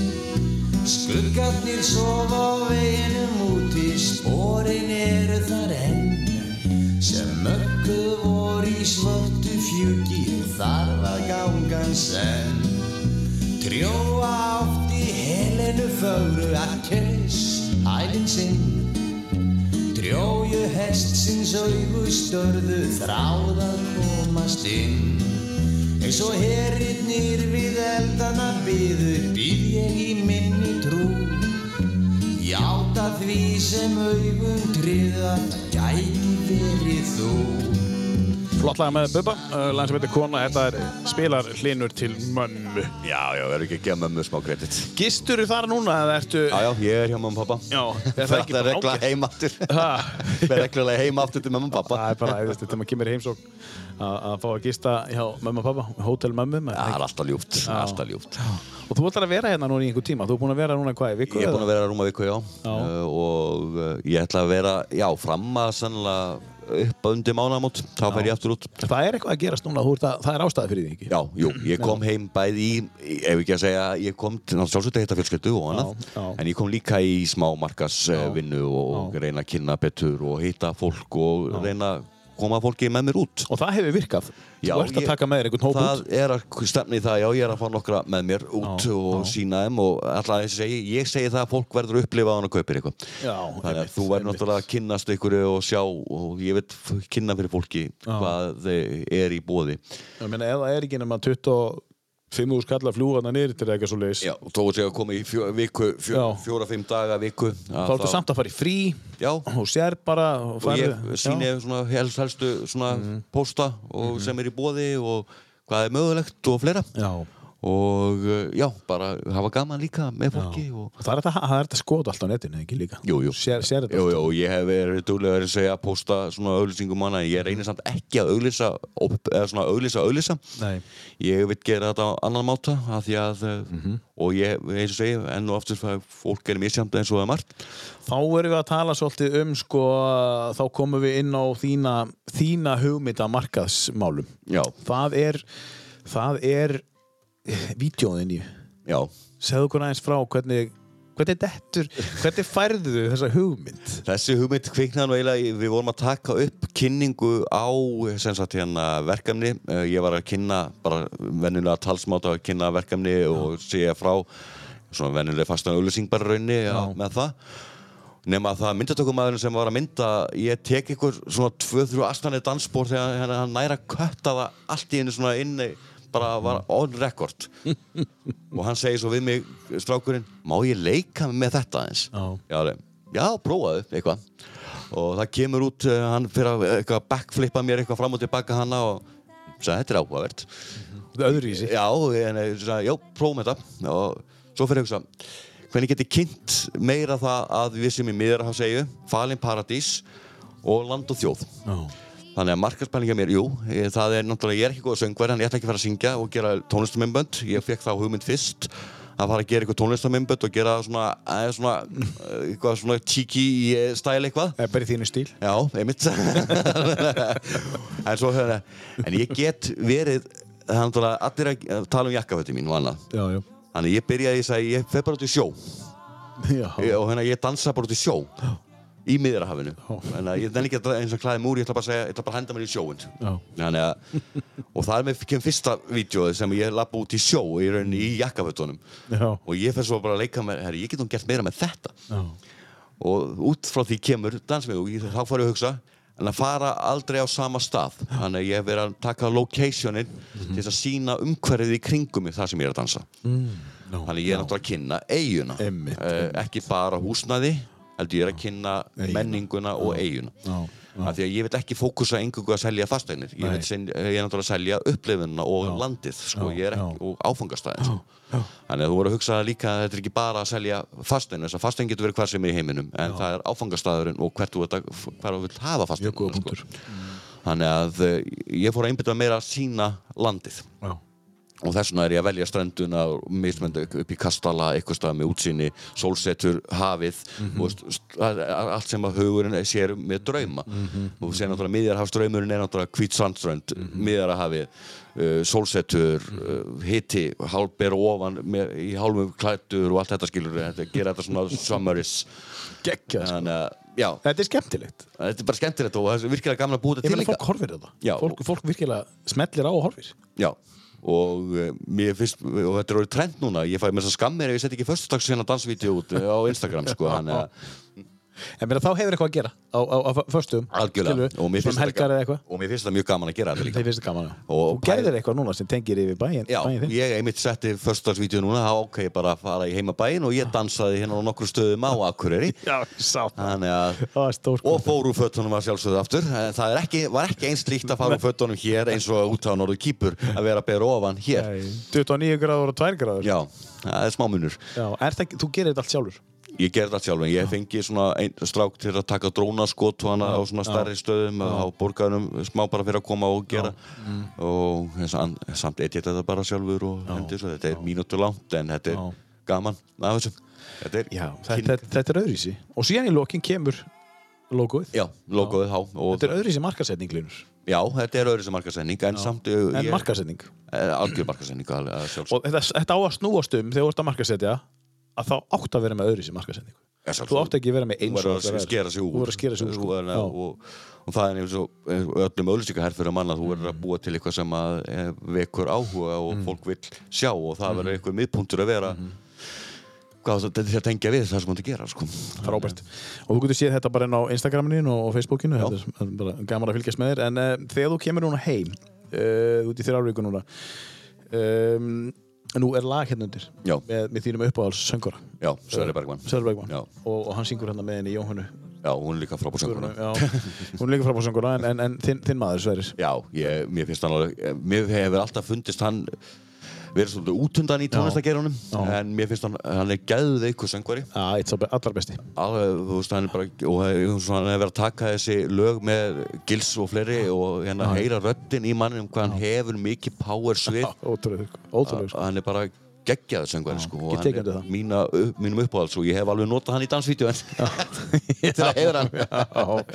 En sko, þegar þú kemur heim og þú heyrir svo þetta lag Fallett Já, uh, virkilega. Þegar þú ert stattur út á kýpið, þú kemur heim Þegar þú stattur út á kýpið, þú lítur að langa heim Já, sjálfsagt. Þegar þú ert hér, langar þig að fara út strax aftur? Eða ertu svona það verður erfitt Já, þú meina að þú ert dóttíðin hér Já, það, það er einmitt það erfiðasta og ég viðkynna það alveg, það er virkilega erfitt Uh, mér finnst ég vera svona ákveða vannræksla kannski mér eða eitthvað, en ég segja það, ekki kannski vannræksla en ég er svona umorðað þannig að það er virkilega erfitt að skilja hann eftir svona uh, af, því að, af því að við erum svo tengd líka, hún er eins og segi ólst upp hjá mér til tíu ára aldust þegar hún flyttist mömmu sinna fyrir uh, tæpum þreymar árum síðan. Uh, þá erum svo, við erum svo eitt og mér finnst ég vera mikill partur af mér er týndur þegar ég er ekki með hann og En, en, tæknin hlýtur að hafa Leitt ykkur saman. sem betur fer er til FaceTime og, og þessi símtöl og bestu tímanum mínar á kvöldin að geta spjalla við hann í hálftíma, 40 mínútur hver einasta kvöld sko. Einn ein vinur minn sem að flutti Ellendis hann uh, saði mér frá því að hérna, já, við þurfum ekkert alltaf að finna tíma til þess að spjalla. Stundum er ég bara með myndavélina að opna og ég er bara að horfa á sjónvarpið. Já, og hún er að horfa á sjónvarpið eða það er enda var hann þá sko hann var að horfa á sjónvarpið og ég get bara svona, það er eins og að sitja í hlina sko. Já, það er sama og við- við gerum já, oft líka bara og- við, þurfum, við erum ekkert að spjalla, hann er bara Nei, nei, já, það er bara eins saman og við gerum, gerðum oft núna Já. á þessu tíma. Hún satt bara og var að dunda sér að litið eða eitthvað og ég satt bara hana og, og var að drakka kaffið mitt skilur og eitthvað og bara basic, en auðvitað er það ekki að sama og geta haldið nei, nei. og að ég segi, þetta er líka enga dótturinn og þetta er eina barnið mitt og ég er einleipur eins og hvað ég komið fram en búin að vera það í tíu ár líka. Sem er mjög gott þannig að fókusum minn hefur náttúrulega bara verið að hugsa um hana. já, núna í dag er ég að læra að hugsa aðeins um mig. Já, ég ætlaði að mynda að segja það sko. Þannig að uh, sem að er náttúrulega er líka erfitt að þú þurfa að læra líka að hugsa um sjálfan sig sko. Já. Þú ert að láta drauma þín að rætast og þú getur ekki ég reyna það allavega. Já, þú getur ekki, ma maður getur ekki látið líf sitt stoppa því að einhvern veginn heldur Nei. að áfram og þú ert búin að byggja foundation með henni tönju, já, við? já, já, og við hefum stert samband og það verður breytist ekkert Já, ég er að meina það sko. og hún er að koma á þennan aldur og Já. er alltaf enn skilningur í dag heldur en var uh, og rétti tíminn Er, sennilega rétti tími sennilega sko. Já, Þú er ekki gert þetta þegar hún var þryggja fjóra ára. nei, nei, nei, við? ekki séns Já, ég er að meina það sko. það er bara ekki þannig Já, minn eigin aðal fókus er á eins og segi, núna í dag er það bara að byggja mig og fara að læra að meta mig já, já, ég hef alltaf verið verið í gennum tíðina unnið jú, ég er hérna, en ég hugsa alltaf um aðra og meira heldur sjálf minn ég hef einbæð með sérstaklega síðustu seinni ára þá hef ég lagt allt í það að Mhm. hugsa um aðra og gleymt að einbetta mér hver ég er eða hvað ég vil gera. Í- fyrir mig. Í kjölfæra þessu, hvað eigum við að taka? Uh, Hlinur, er það þetta hérna? já, Já, er þetta, Bara- þetta er eitt af lögum sem að við erum er 110% alltaf á listanum mínum. Og þetta er skemmtilegt, við deilum því. Já Þetta er eitt af flottustu lögum 80s lögum og bara flottustu lögum ever, eh, að mínum allir Ég sá þá í, í hérna höllinni þegar þau komu, núna fyrir tveimur að þreimur án síðan og, og kona mín, hún satt við hlýna mér svona, var ekkert alveg að tengja þetta sko. Ég satt og hlustaði á þetta lag og ég fór að gráta, eða svo sem táraðist að því að ég var þarna og ég fekk að upplifa þetta lag í höllinni, ég get alveg viðkjönd það. Já. ég bara, ok, shit, ég er að upplifa þetta hérna. Live, Þetta er geðveitt sko. Þetta er alveg sjúkla flott að eitt af eins og eh, betri lögum bara ever og uh, ég tók þetta lag nú með þess að hérna í Facebook-grúpunni söngi þetta í ykkur karaoke-stíl hérna í hérna COVID-tímum þegar ég leittist heima á kýpur. Er það tilengst þar? Já, á Facebook, í hérna í Facebook-grúpunni hann að syngjum saman Syngjum saman, já, Það er það? gerði hérna. Já, frábært. Það er þar inni einmitt hérna. Og það er að rifja það upp. En heyrum þetta fallega lag með uh, hljómsveitinni fórinir uh, I want to know what love is af plötunni þeirra stóru Agent Provocateur. Þetta er æðislegt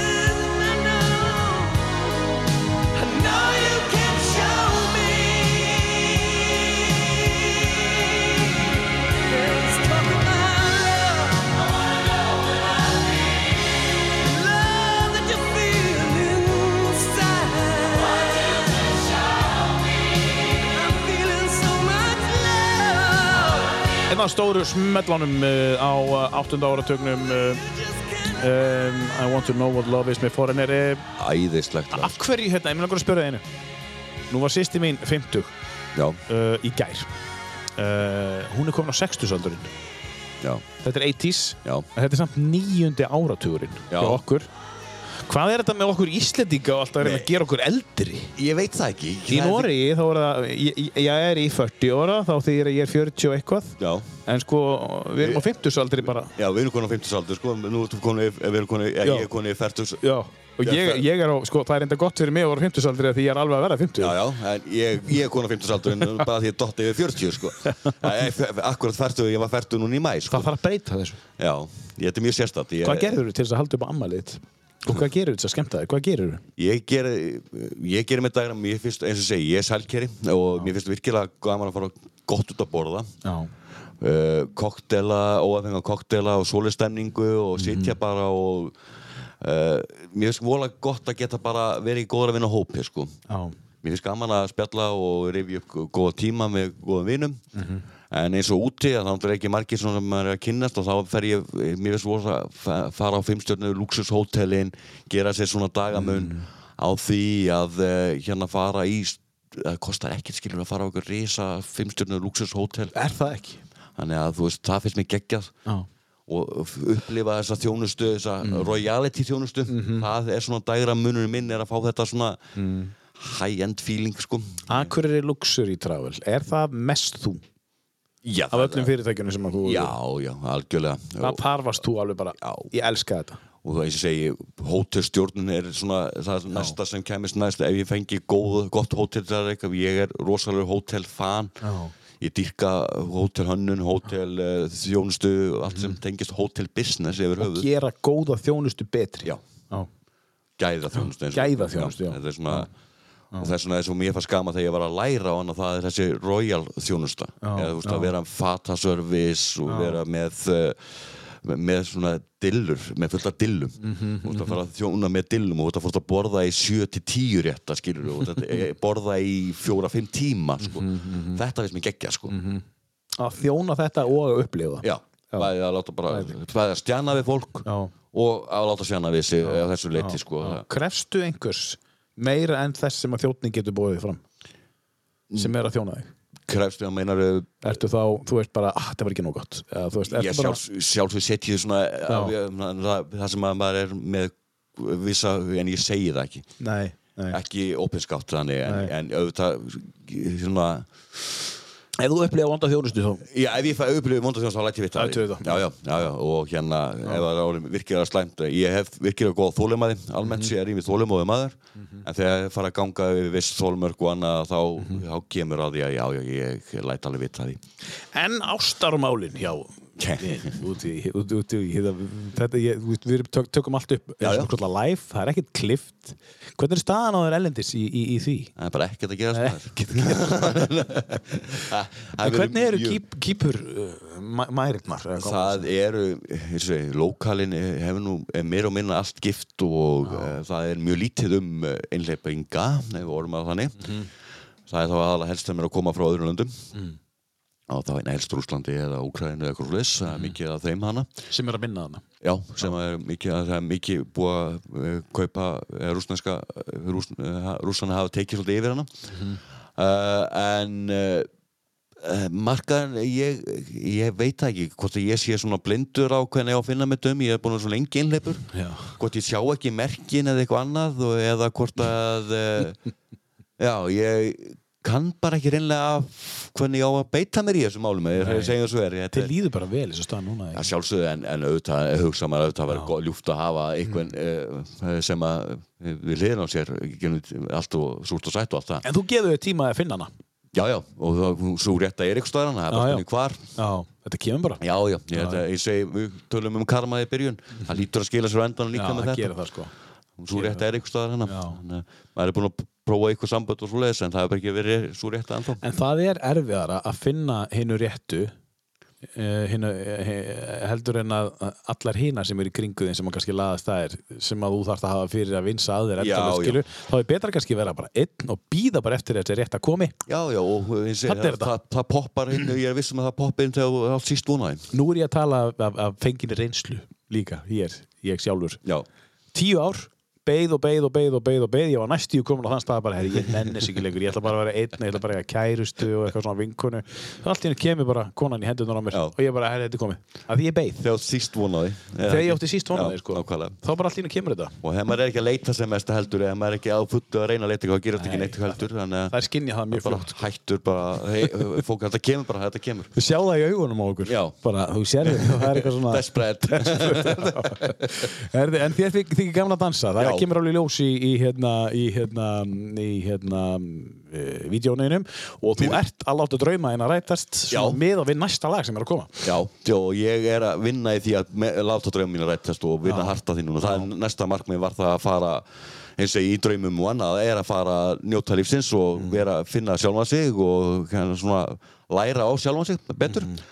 og uh, miðrahafið og sólinn og gleðin og allt það hefur alltaf verið stert í mér og mér er alltaf reymt um að vera á þeim slóðum og er það núna, þannig að það er hluti á draumnum komin og uh, og dansa er bara fyrst mér gaman að eins og segi, hafa njóta og lifa njóta og lifa ef við orðum þannig Já. og láta drauma rættast og það er svona og eins og við komum inn á með dansin þá nota ég mikið Europop Já. Eh, þannig að 90s Já. feelingurinn ef við- 90s 2000 feelingurinn Europopið er ég mjög hrifin af já.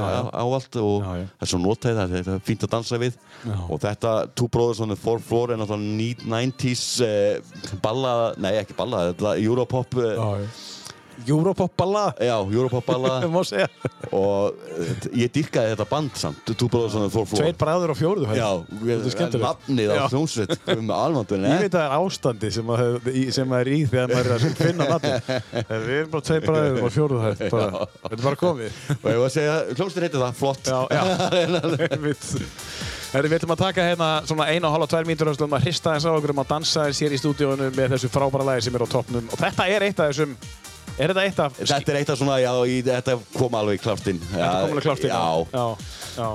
þetta er svolítið svona, þetta á alveg heima við eh, mína stemningu, svona Europop stemninguna. Gætu við átt mögulega heyrt þetta í vídjónuðinum? Já, ég, ég mögulega já. Já, mögulega Já,